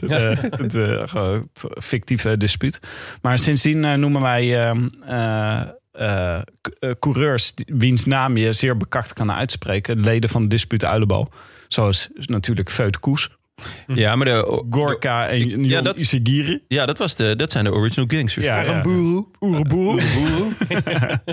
Dus eh, wij zoeken altijd in het peloton naar namen die je heel bekakt kan uitspreken. En die bombarderen we tot leden van Dispuut Uilenbal. En die zijn wel een beetje geconcentreerd rondom ons favoriete Pro Tour team. Astana. Astana. Stana. Dus ik- Astana. Ja, uiteindelijk, uit- Hey Fino, geef jij nog, eh, geef jij nog wat weg of, eh, of niet? Hey, Finootje. Love it wat. sowieso is het natuurlijk ons ultieme doel is natuurlijk om alle vrienden van de show in het peloton uiteindelijk bij Astana te hebben fietsen. Ja. Ja. Had Mike Teunissen laatst ook een cursus Kazaks eh aangeboden, aangeraden. Dus, maar het valt toch wel op dat Spaanse namen gewoon heel goed bekakt kunnen. Dat is toch wel echt... Gorka. Gorka. Valverde. Ja. Dat is wel zo. Ja, dus dat is de. Dat is, en af en toe komt er een nieuw lid van Dispuut Uilenbal bij. Ja. Eh, in de komende specials eh, zou ik. denk ik dat we er ook weer een introduceren. Ja, oh ja. eh Tuimen Arendsman. Misschien Misschien. Arendsman. Ja. Jezus, rijden. Sowieso doet, doet zijn naam het natuurlijk heel erg goed. Maar we vonden ook een interviewtje met Tijmen op RTV Gelderland. Waarin Tijmen is, is een slimme jongen, gymnasiast. Eh, en ehm, eh, hij komt ergens uit, ik weet niet waar, Velp of zo, uit die buurt. En, eh, maar hij was ook nog een beetje verkouden. Waardoor hij echt, hij kon, het was echt één op één, één op één dispuut uilenbal was het. Dat is heel, eh, Klonk lekker bekakt. ja, Nou, ik heb er altijd wel zwak voor. Ik vind het wel leuk. Ik vind het ook leuk. Ik en ehm, en eh, ja, natuurlijk, Jonne. Ja, ja, jij hebt gewoon lekker dat Amsterdamse. Ja. Eh, Paul en David Roosema en eh, Martijn ten Kaat. Die vragen eigenlijk allemaal, die hebben dezelfde soort vraag. Hoe Ja. kijken jullie al die koersen met kinderen erbij? Hier ontstaat altijd ruzie tussen twee van de drie als de finish nadert, schrijft Paul. Ja. Ten eerste neem nooit drie kinderen. Mm. Mijn vader zei het al, kinderen zijn hinderen. Ehm, ja, wat, wat, ik kijk best wel veel koers ehm, met mijn oortjes. Gewoon eh, dus oordopjes in. Hij sluit je gewoon af voor de rest van het gezin. Nou ja, nee, ten, ten eerste is het natuurlijk heel fijn ehm, de, dat ik t- tegenwoordig het, het heerlijkste excuus ooit kan gebruiken. Papa het, moet werken. het is mijn werk. Ja. Dus, dus daar, daar, dat is al best, eh, eh, dat wordt al best wel geaccepteerd. Ehm, en sommige etappes, eh, dan ga ik wel gewoon bijvoorbeeld eh, mee naar de speeltuin. Maar dan, dan, ja, dan heb ik hem gewoon op mijn telefoon en, mijn- en mijn oortjes in. En wat ik, eh, wat ik vaak doe, mijn moeder woont om de hoek. Dus dan eh, wandel ik even naar mijn moeder. Vindt mijn dochter echt het leukste wat er is. Mijn moeder ook echt helemaal happy. En ik leg lekker op bankje koers te kijken. Ja. Ideaal. Ja. Nee, de, mijn truc is inderdaad gewoon... A, eh, papa is even aan het werk. Papa moet dit kijken voor zijn werk. Wat Ja. met dank aan jullie, lieve luisteraars, ook gewoon feitelijk waar is. Ja, ja, maar dit excuus mag je prima gebruiken. Zeker als je vriend van de show bent. Dan is dit eigenlijk ook jouw werk. Namelijk hè, Ja, de koers, de Rode Lantaarn. Daar hoor je ook bij. Dus dat is ook, was het ook onderdeel daarvan. Ehm, en de laatste tijd, dat vind ik heel erg leuk. Beginnen ze ook een beetje interesse te ontwikkelen Ja. voor wat er voor het wielrennen. Dus dan de vragen die ik nu krijg is: wie ligt er voorop? Voor wie zijn we, papa? en dan moet ik zeggen: voor de gele of voor de rode of voor de roze. En de roze is vaak favoriet. Ze zijn erg eh, EF education minded, mijn kinderen. En, eh, maar dat helpt ook. Dus, en dat, dat is natuurlijk echt het, voor, het voorland wat ik hoop. Want zo is het natuurlijk bij mij ook begonnen. Dat ik vroeger eh, met, mijn, met mijn vader meekeek. eh, ja, weet je wel, die klassieke herinneringen van de, van de Tour de France in de zomer. Waar de gordijnen dicht gingen en papa in zijn stoel de Tour zat te kijken. Ja, dat is nu een beetje, dat is de next generation. Dus dat probeer ik ze een beetje mee te geven. Dus ik hoop dat over een, nou ja, een jaar of vijf... dat het dan niet, een, niet meer is... ehm, Papa, waarom? eh, papa, ik wil een filmpje kijken, maar eh, papa mag de tv aan, want eh, José en Renaat zijn. ja, ik wil Chaté zien. Zijn- Papa, ik wil Ja. Chaté zien. Precies. Ik denk dat ik ook een hele grote poster van José op, mijn, op de kamer van mijn zoon ga hangen. Maar ik moet, ik moet Nastrevenswaardig. Ik moet hier eerlijk bij aantekenen dat ik het af en toe wel echt heel ingewikkeld vind. Staat mijn dochter weer voor de tv en zegt, wie is dat? Ja. Die stad. Ja. Maar ook omdat de finish van eh, etappes... Het was eigenlijk best wel relaxed met... eh was de Giro die elke keer om vier uur finishte? Ja. Want die eh, etappes die finishen altijd precies op het moment... dat ik mijn kinderen van de crash moet halen. Ja, spitsuur. Ja. Kinderspitsuur. Ja, dus het is wel... Nou, dit, in het kader van dingen die mogen blijven in het nieuwe wielerseizoen. De finish iets eerder. Dus rond, eerder rond de, de- Ja. iets na vieren, zeg maar. In plaats van iets na vijven, zoals we een Ja. beetje gewoon waren. Echt. Mag ook wel blijven, ja. Mag blijven. ja, Mag maar dan wel van tevoren Lekker. zeggen. Want ik Ja, we hebben van tevoren zeggen. Ja. ben Sowieso van tevoren zeggen. regelmatig verrast. Zeker. Ja. Ik had, er was ook een leuke inzending van eh Kees Schaaks. Die stuurde ons een heel eh, wiskundig model. Eh, die reageerde natuurlijk op Arjen Zoer, die regelmatig bij ons het wiskundige model. Zuur. Je zoer gast. Eh, Die zei dit echt heerlijk Ja? ja? dispuut uit de Ja, bal. oh, dit deed ik per ongeluk. Soms kan je het ook niet bedwingen, hè? Vind ik altijd wel leuk. Maar hij rekende voor ons uit dat de podcast toch voor maximaal de helft over wielrennen gaat. Ja, dat klopt. en hij had nog een paar observaties. Gemiddeld wordt 44,8% van de woordgrappen van Jonne door niemand opgepikt. Ja, dat is mij ook opgevallen. Daarin zijn niet de woordgrappen meegeteld die Jonne dubbel maakt... om te kijken of iemand ze een tweede keer wel heeft ja, gehoord. het probleem is niet dat we ze niet doorhebben. Weet je wat het is? Eh, Ja, eh, het is net vroeger na, na, na mijn rapport. Dan zei mijn moeder altijd van, ik ben niet boos, alleen teleurgesteld. en ja, dat, dat is hier ook. Jullie hebben het gewoon niet eens door hoe grappig ik ben. Ja, het is echt zonde. Nou, vind daar het hebben, we, gewoon- daar hebben we gerust door, joh. Ik vind jou hartstikke grappig, Jonne. Maar ik vind de woordspeling, vind ik persoonlijk toch een beetje de... Ja, hoe Ja, zeg je dus, dat? ja, de diarree. De, de dimension data van de grappen, ja, vind ik ja, dat dat. is waar. Ja. Goed Dus, seizoen eh, gereden hoor, mensen data. Probeer... eh, Goed seizoen. Veel doping, maar goed seizoen. en TT. Hoezo veel doping? Ja, Ries, hè, Ries. Oh, zo ja. Oké, maar had meer conclusies. Ja, nog meer conclusies. Er zijn 24 renners in het peloton eh, eh, over zonder een door de Rode Lantaarn verzonnen bijnaam. Klopt. Voor het gemak nog een lijstje met bijnamen die nog niet gebruikt zijn. De kettingfluisteraar, de Albatros van Poeldijk, Julian A. Vlaaflip en George ben net niet goed genoeg. Ja, dat is er weer eentje in de categorie NTT van de grappen. Ja. Er komen per... Hoewel de Albatros van Poeldijk vind ik wel echt Vind een leuke een random Ja. bijnaam voor een willekeurige renner. Ja, Ja. zeker. Er komt vast iemand uit Poeldijk. Dus ja. wie is dat dan? Nou, ik zou dit zou ik wel leuk vinden om deze bijnaam gewoon te geven aan, aan een willekeurige... aan Champousin bijvoorbeeld. Shampoos. Ja. dat we die gewoon, weet je wel, dat we die gewoon voortaan altijd de Albatros van Poeldijk noemen. Er vroeg ook iemand Zal ik dat die- toevoegen op zijn Wikipedia Ja, pagina? er vroeg dus iemand waarom komen die namen nooit op Wikipedia terecht. Maar altijd als zelfs bijnamen waar wij al totaal aan gewend zijn, die halen het gewoon niet op Wikipedia. Omdat daar dan. misschien komt dat omdat wij ook nog geen Wikipedia-pagina hebben. En eh, ik kijk daar een beetje naar jou, Tim. Ja, ik had als- toch geen Wikipedia van onszelf aan. Maar je bent toch de eigenaar van het Imperium? Hier heb jij toch mensen voor? Ja, heb je, je betaalt- Wikipedia-editor. Je betaalt toch gewoon mensen hier? Ja, ik kan wel iemand. Wat doen die eigenlijk de hele Nee, dag? maar de- ik vind het, er zit wel een interessante vraag achter natuurlijk. Dus wanneer wordt een bijnaam een officiële bijnaam? Dus ik, ik vind dat wij inmiddels natuurlijk als Rode Lantaarn... de beste sportpodcast van 2020... inmiddels best wel wat, wat invloed hebben op het, op het discours rondom eh, wielrennen. Ja. En, eh, en ook over... En het is ook dat het best geluisterd mag worden... als wij een bijnaam introduceren of gebruiken... die dan navolging krijgt, bijvoorbeeld in de Twitter-scene... Ja, maar Of elders. In het, ik bedoel, er zijn gewoon bijnamen die wij... Hè, ik noem een Cees Notable. Cees Notable wordt gewoon Cees Notable genoemd. Bij Team Sunweb. ja, Ja, maar Dat weet is je wat het is, toch- Willem? Je boy Tish. Ik Ja, wil niet, hè? zeker, ja, ik wil niet Calimero hier doen, maar het komt toch een beetje doordat eh zo, als je een beetje conservatieve mensen hebt, Ja. ik noem een redactie van Wikipedia, die zegt gewoon het telt pas als bijnaam als eh, Maarten de Kroom op tv gebruikt heeft of dat we bij de avondetappe hebben gezien, maar niet een podcast. Vinden ze ingewikkeld, Ja. denk ik. ja zijn ze eh, allemaal republikeinen daar bij, eh, bij Wikipedia? Ja, Maar we hebben nu toch contacten bij de NOS. We kunnen toch gewoon, eh, we kunnen toch gewoon even Robert de Rijk vragen van, om eh, even een lijstje toe te, toe te schuiven aan Maarten die Kroo. Van dit is gewoon de officiële NOS-lijn nu. ja. ja, dus dan hebben we Cees Notable, die moet er in ieder geval in. Cees Notable. Het tijdperk. Het tijdperk tijdperk. Mollema, Mijn boy Tish. mijn boy Tish. Ja, dat zijn wel een paar belangrijke. Ja, we hebben, ja, precies. Maar wat ik al best wel lastig vind... ja, Alex Oeroboel. Ja. Ja. het voorprogramma voor Gino Meder. het voorprogramma, ja. Ja, Gino Meders. Ja, hij had nog... Maar dan zijn wel, wat ik, dus even over dat voorprogramma, over, over het voorprogramma, over die bijnamen.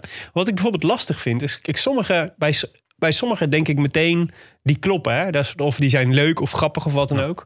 Maar sommige renners zijn echt, eh, zijn bijna, lijken immuun voor goede bijnamen, voor iets dat blijft plakken. Dus Tom Dumoulin bijvoorbeeld. Weet je wel, dat is dan... We Het- hebben ja. Turbo Tom of de Vlinder van Maastricht. Dat is allemaal niet, hè? Dekt de lading niet. Het is allemaal niet. Dus, dus, dus het is wonderlijk wat het, wat het vraagt van een renner om... om Ik vind het nog wonderlijker dat jij ineens de T weglaat bij, de T weglaat bij niet. bij niet. Ja, als het over Oh, Tom, ja. dat, je dan, dat je dan ineens je, Ik zat, al, ik zat al in mijn hoofd bij Ja. een tikkie in- naar het zuiden, maar daar zit ik morgen nee, maar dat is toch Als je wonderlijk? gepassioneerd raakt, dan, dan ga jij gewoon... En zwaar, ja. Maar het is toch wonderlijk dat, dat, dat, dat bij Dumoulin, een van Nederlands grootste renners, lukt het dus niet ons als Nederland om een, om een bijnaam te vinden die, die acceptabel is. Of die past, of die klopt. Ja, maar ik vind niet dat alle renners een bijnaam nodig Nee, ik ook niet. Sommige ook renners, Tom Dumoulin is een schitterende naam. Ja. Instituut van een renner. Dus die heeft geen bijnaam nodig. Maar sommige renners, vooral renners die een beetje kleurloos zijn... dat is leuk om daar een bijnaam voor te Zwaar. Maar wat frappant is rondom, de, en daarmee eh, kunnen we de casus Dumoulin afsluiten, is dat zijn fans, Dumolisten, dat klopt dus wel helemaal. Ja. Dat is helemaal, dus zijn fans hebben een bijnaam en hij zelf niet. Dat is toch fascinerend. Dat Dumoulisme nog geen stroming is op Wikipedia is ook een godsme. Echt een gods per jaar. Oké, ik heb twee vragen aan jullie. Ja? Van Hidderorda. Die zegt, ik heb twee eh, dagprijswinnaars. Twee vragen van een niet-prijswinnende podcaster. Kan nooit lang meer duren. Hidde. Eh, de eerste doe ik aan Jonne. Jonne, wat is je favoriete koersdag aller tijden? Die je zelf gezien hebt. eh Gent-Wevergem 2015. Ja, is eh, de uh, Geraint Thomas in de Berm. Ja. Dag. Ja, zeker. Ja, schitterend. Ja, regen. En eh regen, wind, Waaiers. cocaïne. Gewoon eh, Pa- Paulini. Ja, en dit is met zo'n wind. Probeer dan maar eens koken. Probeer dan zo'n maar eens lijntje wat dan maar eens in je neus te krijgen. Ja, maar daarom weten we ook dat hij die koers echt schoon reed. De hele Haaghoek ligt nog vol met Colombiaanse kook, joh. Ja, schitterend. Wat daar allemaal is gebeurd, joh. Dat is, eh, dat is met geen pen te beschrijven, jongens. Ja, die was Ehm, geweldig. Ik zou, eh, ik zou ehm, de, de, de tijdrit van Dumoulin in, de, in zijn winnende Giro noemen. Snap ik. En eh, omdat sowieso natuurlijk, het is natuurlijk fantastisch dat een, een Nederlandse renner eh, zo'n prestatie levert. En voor, dat we voor het eerst sinds, wat was het, 1980 weer een grote ronde wonnen als, eh, als eh, Nederlands volkje. Maar er, is natuurlijk, er zit natuurlijk altijd een, zit natuurlijk altijd een soort, je moet altijd bij een bijzonder moment heb je ook altijd een soort persoonlijke connectie, vind ik. En dit was, dit was hier heb ik mijn, weet ik nog, mijn, eh, mijn zoon uit bed gehaald. Die op dat moment lag te slapen, omdat hij drie maanden oud was. En dan slaap ik inderdaad wel voortdurend.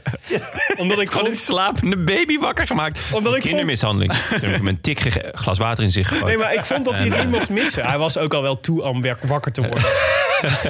maar ik dacht, hij mag dit niet missen. Dit is zo bijzonder. Ja, ja. Dit, willen we, dit wil ik je later kunnen vertellen. Dat ik je op je, dat op, als hij 16 is, dat ik tegen hem kan zeggen.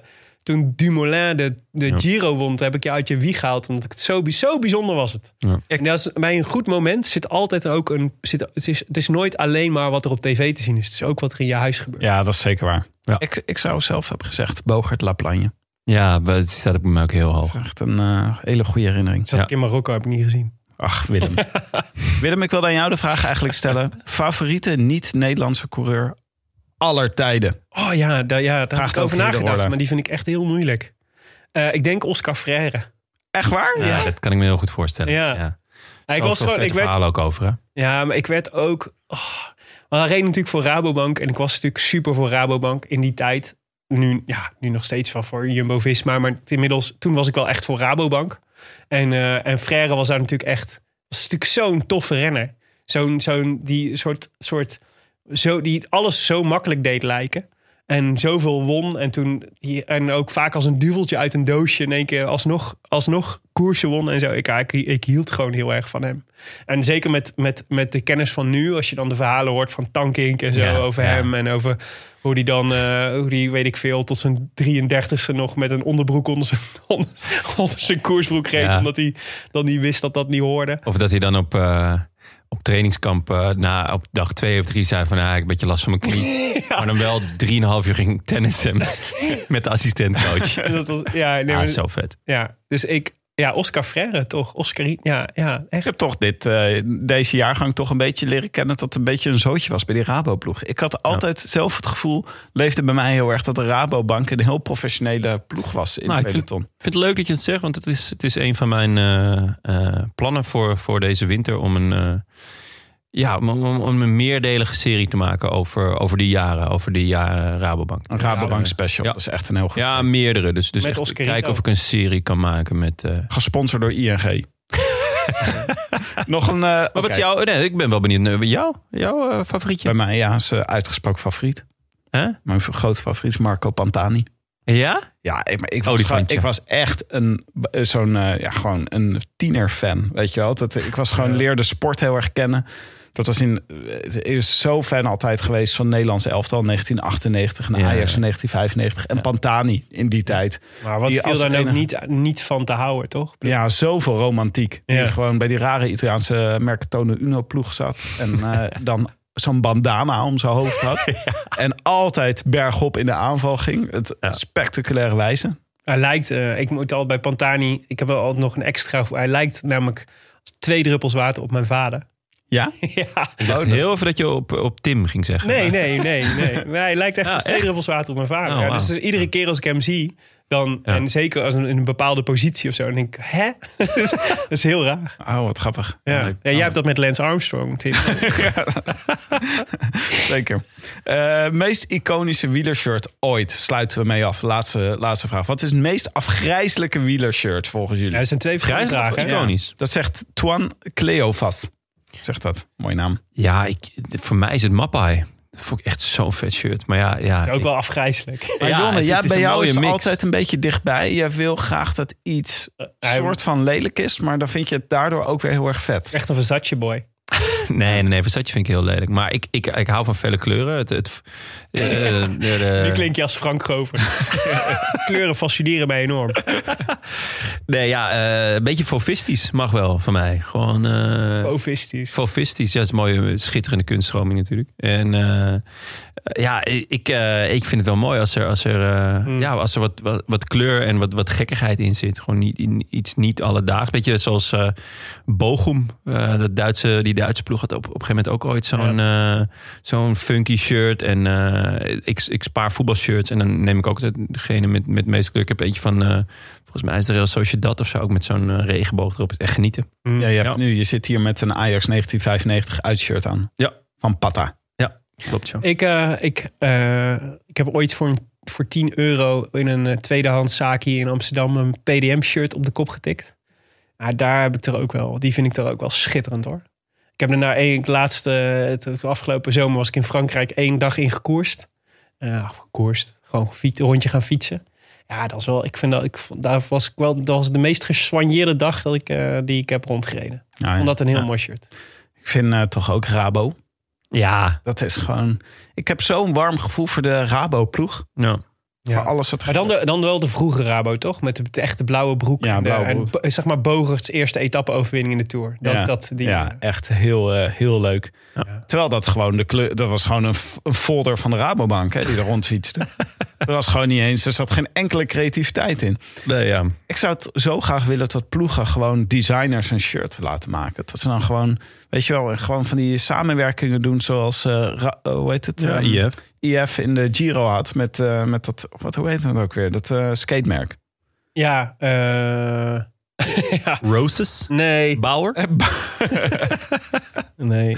Zit nu nog, nog meer? Palace, Palace. Palace. Palace, Ja. ja. Ja. Maar dat zou ik dus ook heel leuk vinden. Jumbo, als je luistert. Het is een, gewoon wel een mooi shirt waarin ze rondrijden. Maar volgend jaar gewoon Nou. Jumbo en Piet Parra shirt. Ja. Ja, maar dat is natuurlijk super vet. Maar ik, had, ik toevallig, eh, toevallig eh, eh, heb, heb ik Is het zo'n verdienmodel ook? Zeker, want ik heb toevallig afgelopen jaar wel een klusje gedaan voor de KNWU ook. In mijn, in mijn andere leven als, eh als eh, co- communication Oh, adviseur. heb je dit wel eh, gemeld bij ons? Waar? In de, het staat gewoon in de statuten dat ik alles mag. Ja, dat is wel waar. Ja? Willem staat Oh. bij het hoofdstukje snabbelen. Moet je maar even kijken. Ja. Oh, echt? Oké. Willem mag nee. alles. Oh, Dit moet alles melden.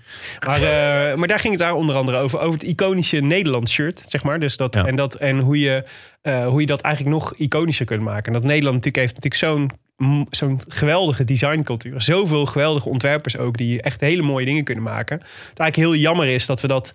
eh, en dan, dan doe ik een beetje flauwer. Maar dat we... Dat we Laten we zeggen, de, de design van de shirts bijvoorbeeld van Jumbo-Visma... of van, eh, van, eh, van, van Nederland op een WK of op de Olympische Spelen overlaten aan de designer bij een bioracer of bij Agu of zo, weet je wel? Terwijl, ik bedoel, je Ja. wil daar juist eigenlijk de top van de top voor hebben, omdat, om daar echt geweldige, geweldige dingen van te maken die iedereen wil hebben. En volgens mij kan dat ook prima. Ja, je noemt para. Ja, weet je hoe vaak wij al niet de vraag hebben gekregen over of dat we wanneer we nou eens met wielerkleding van de Rode Lantaarn kunnen komen. Ja, dat heeft gewoon te maken met dat dat, dat, dat is natuurlijk echt kwaliteit wat die man maakt. En bijzonder en, en interessant.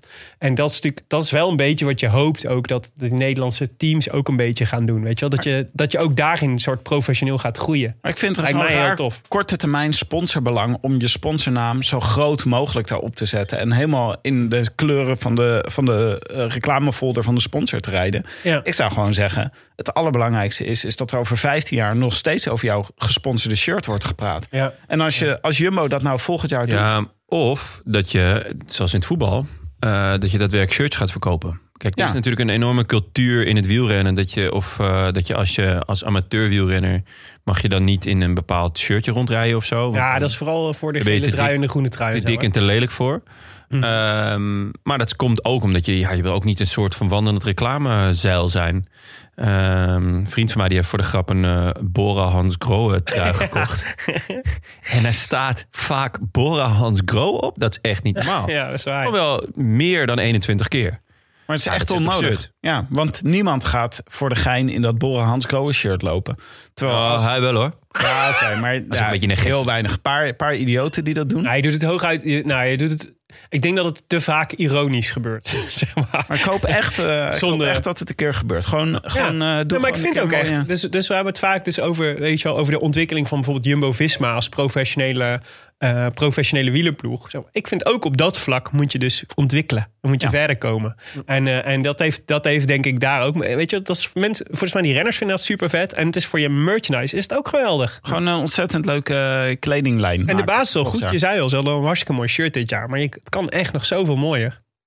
We moeten nog even. We zijn door de mailback-vragen heen. Nou, we kregen echt een heleboel vragen. Dat is heel erg leuk. En dit gaan we vaker doen. Dus eh, daar kunnen we nog op terugkomen. Maar we moeten nog heel even voor vandaag naar de voorspelbokaal kijken. van de Vuelta-etappe gisteren. Waar we net ook al even over hebben gehad. Want dat moeten we voor de administratie natuurlijk nog even doen.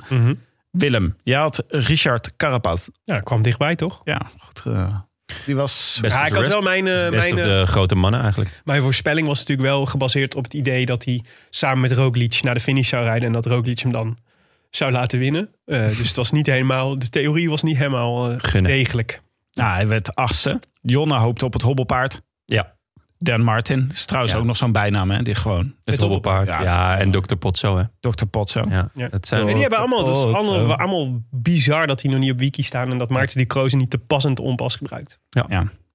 Ehm Ja, het Enric Mas. Erik Mat. Ja, dat was gewoon uh, stommeke. Saai ook. Iedereen, helemaal. wi- iedereen wist dat hij voor, eh voor Roglic ging rijden. Ja, inderdaad. Maar eh, ik, vond, ik vond Marc Soler vond ik wel de kolderieke demarages van de, van de Vuelta leveren dit jaar. Mhm. Gewoon op het volstrekt willekeurig moment. Oh, daar gaat Soler weer. Ja. Wel Maar- een etappe gepakt, eh, jongens. Ja, en het is altijd wel, het is ook Movistar, we kunnen er altijd heel veel kritiek op hebben, maar ze kleuren wel altijd ook de koers weer. Weet Ja. je wel, dat ze dan ook weer erachteraan gaan rijden en dat Soler dan Erviti, dat ze dan Erviti laten wachten en Soler er naartoe laten rijden en dan is Soler toch op en kan er niet mee. ja, ja, ja maar dus, we proberen het in ieder Nee, geval. ja, Ja, het is toch leuk. Maar er was Was- één iemand die het wel goed had. Ja, Pepijn Bos. Ja, dat vind ik heel knap, want dat was de enige. Ja, En dat is, ik kan me niet heugen dat er dit seizoen is een, eh, een voorspelbokaal is geweest waarin één iemand het goed had. Pepijn Bos was e- alleenheerser dit weekend. Dus hij mag het goed te doen. Dag bankzitters, wat een genoegen om de laatste voorspelbokaal van dit seizoen te mogen winnen. Het is wellicht van een andere orde van grootte, maar toch bijzonder om op dezelfde dag met Joe Biden een niet onbelangrijke overwinning te vieren. Ik maak dan ook graag gebruik van het recht om de groetjes te mogen doen. Allereerst aan Sander, Niels, Jaap en mijn broer Jeroen, met wie de wieleractualiteit geregeld wordt doorgenomen. Daarnaast doe ik de groetjes aan vriend van de show Bart Vriends en zijn zoontje Stef, die afgelopen augustus op zo'n mooie wijze Fabio Jacobs een hart onder de riem hebben gestoken. En tot slot doe ik de groetjes aan jullie, Jonne, Tim en Willem. En wil ik jullie bedanken voor die hele fijne podcast in de afgelopen maanden. Daar heeft deze wielerliefhebber in coronatijd heel veel plezier aan beleefd. Dus ga zo verder en ik kijk al uit naar de winterspecials. Nou, dankjewel. Mooi. Mooi, een mooie cross-referentie naar eh, de actie inderdaad van eh, Zomaar een Bart Vriends. Willekeurige Bart Vriend. Willekeurige Bart Vriend, dat was het, sorry. maar we hadden ook vorige keer nog als een, eh, een, een, een geste, had Ja. jij over je, over je hart gestreken. Mhm. De groeten van... Ja, we waren natuurlijk in een supergoeie bij omdat we de Dutch Podcast Award hadden gewonnen. Ja. Dus was dit er nooit doorheen gekomen. Ja. Maar goed, Bert van de Spikken, kom er maar in. Goedemorgen, ik ben Bert van der Spikken. Ehm, alvast proficiat aan jullie bankzitters. Het is voor mij ook een hele eer om de groetjes te mogen doen in een awardwinnende podcast. Ehm, het voelt wel een beetje aan als overwinning van onze Qual van Messina aan de Tour van 2014. Maar zoals hij blijft beweren, de overwinning is meer dan verdiend en zeker en vast niet gestolen. Een gegeven hobbelpaard mag je ook niet in de bek kijken, zegt het spreekwoord. Daarom wil ik ook graag die groetjes doen aan mijn vrienden eh, Bart, Wout, Robin, Gerrit en Hiepke, die ik al eh, van de lagere school ken, maar tegenwoordig jammer nog meer digitaal zie dan in het echt. Ook de groetjes aan mijn, oude, mijn mama en papa en mijn zus. En het laatste niet het minst aan mijn vriendin Lin en mijn zoontje Ruben. Een grote fan al van het wielrennen, nog maar twee jaar. Maar kijk niet liever dan eh, naar tijdritten, omdat hij altijd graag klapt als een renner de finish overrijdt. Voor de rest, keep up the good work en tot de volgende.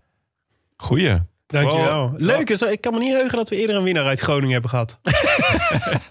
Vooral heel vet dat hij zichzelf even voorstelde. Ja, zeker. Gefeliciteerd Bert en eh, dank voor de aardige woorden. Yes. U eh, luisterde naar De Rode Lantaarn, gepresenteerd door uw favoriete bankzitters Willem Dudok, Tim de Gier en mijzelf, Jonny Seriese. Die kan ook op Wikipedia trouwens, die bijnaam. Johnny Surprise. Jonny, ja, surprise mag EVT. Maar uh, Jonny Seriese. Veel dank aan onze sponsor Canyon. Hashtag fiets van de show.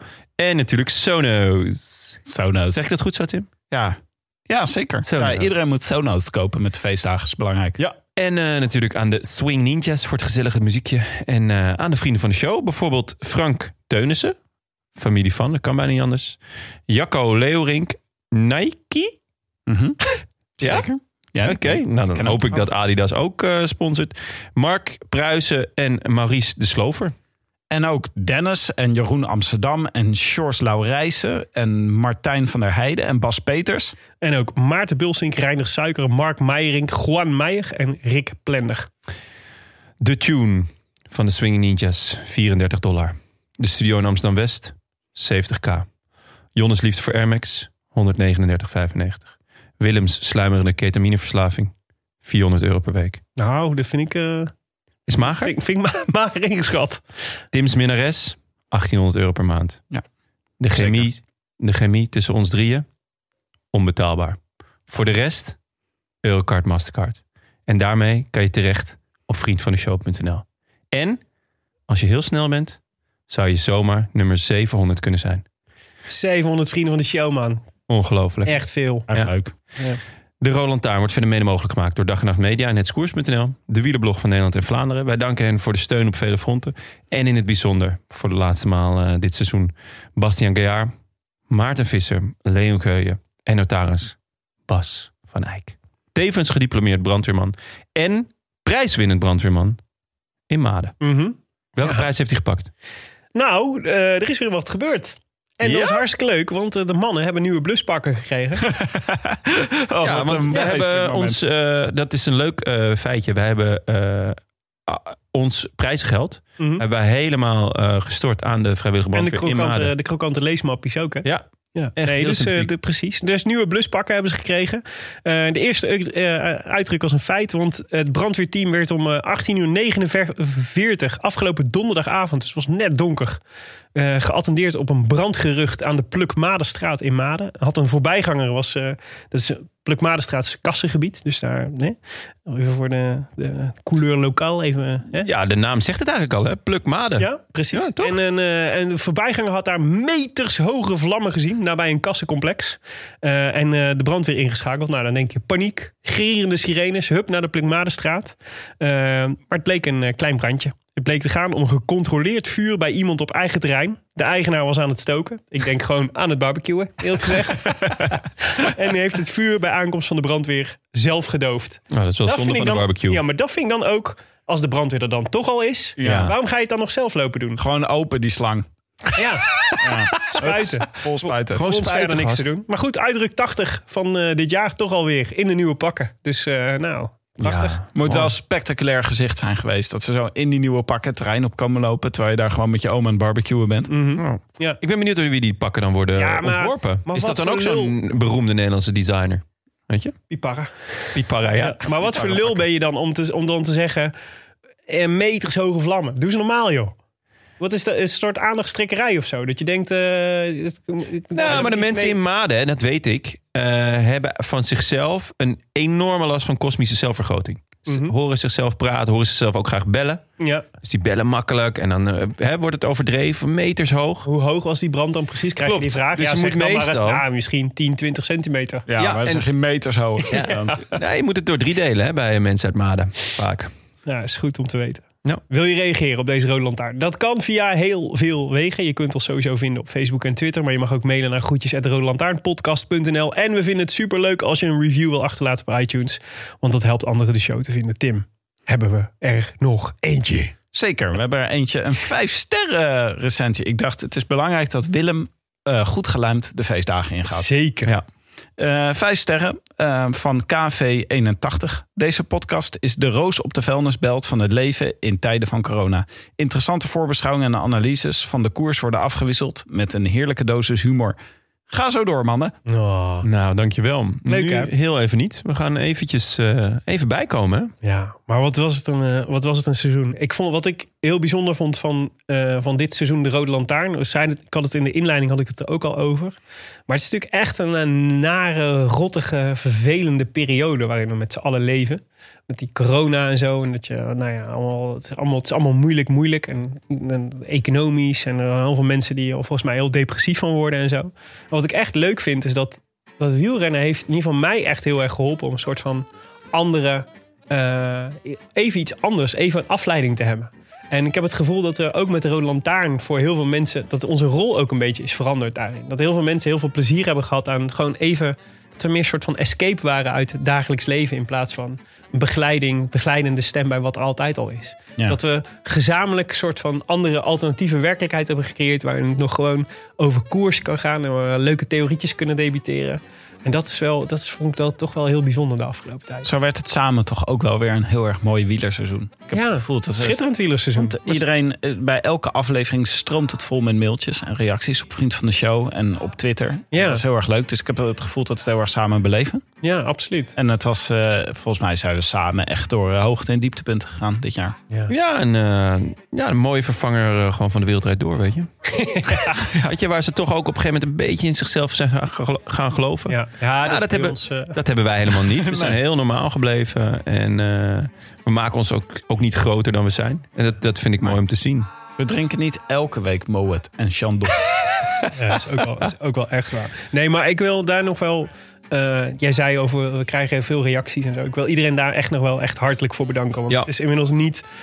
eh, eigenlijk niet meer te doen op, op iedereen uitgebreid te reageren. En, eh, en Jonne doet eh, hard zijn best in de mail. En ik doe hard, mijn- hard mijn best op Twitter. Twitter. En jij ook. En, maar dan nog is het echt best wel veel. Maar weet dat alles gelezen wordt en alles heel erg gewaardeerd wordt. En we heel, nou ja, we heel blij van worden dat zoveel mensen kennelijk zoveel plezier beleven aan wat wij elke, elke week, nou, elke week twee keer anderhalf uur in de eten slingeren. Dat is heel tof, heel tof om te merken. Dus Mooi, dank jullie zeker. wel daarvoor. Mooie woorden, Willem. En eh, we hebben voor deze winter hebben we nog op ons verlanglijstje een aantal specials. We willen dus ook een, een paar afleveringen over de Rabobank maken. Daarvoor kijk naar Jonne. Ja, dat is mijn eh Dat persoonlijke eh, plannetje. Zou zeer leuk zijn. En dan zien we jullie deze winter weer terug. En in het voorjaar natuurlijk gewoon weer fris onder de oksels. Ja. hoop Hou je taai allemaal. Ik hoop dat jullie een beetje afgevallen zijn. En dan Ja. gaan we weer Mag ik nog een kleine shout-out doen naar mijn beste vriend Mark? Die echt het aller, aller, aller moeilijkste wielerspel ooit heeft gewonnen vandaag. Ja? Ja, Gigabike eh, is voor de echte absolute freaks. Je moet echt heel veel simulaties draaien. Wil je daar, eh, ja, wil je dat winnen? En eh, het is mij hopelijk gelukt om in de top 100 te eindigen. En hij heeft hem gewoon gewonnen. Gewoon Chapeau. eerste van de wereld. Gewoon eerste van de wereld. Gewoon wereldkampioen. Ja. Dus ik weet zeker dat hij nu ergens naakt de, de Solonaise aan het lopen is. de Solonaise. Wat ik hem echt van harte gun. Op, an- op anderhalve meter afstand van Bij- zichzelf. Het is bij deze Markie. Ja, vet. Tof. Oké, jongens. eh, hartstikke bedankt. Jullie ook voor dit, Ja. leuke, voor dit leuke seizoen. Eh wordt vervolgd. Tot bij de winterspecials. Laatste, laatste zes woorden. A biento. A biento. A biento. I wish I could be in Mooi. the south of France. In the south of France, sitting right next to you.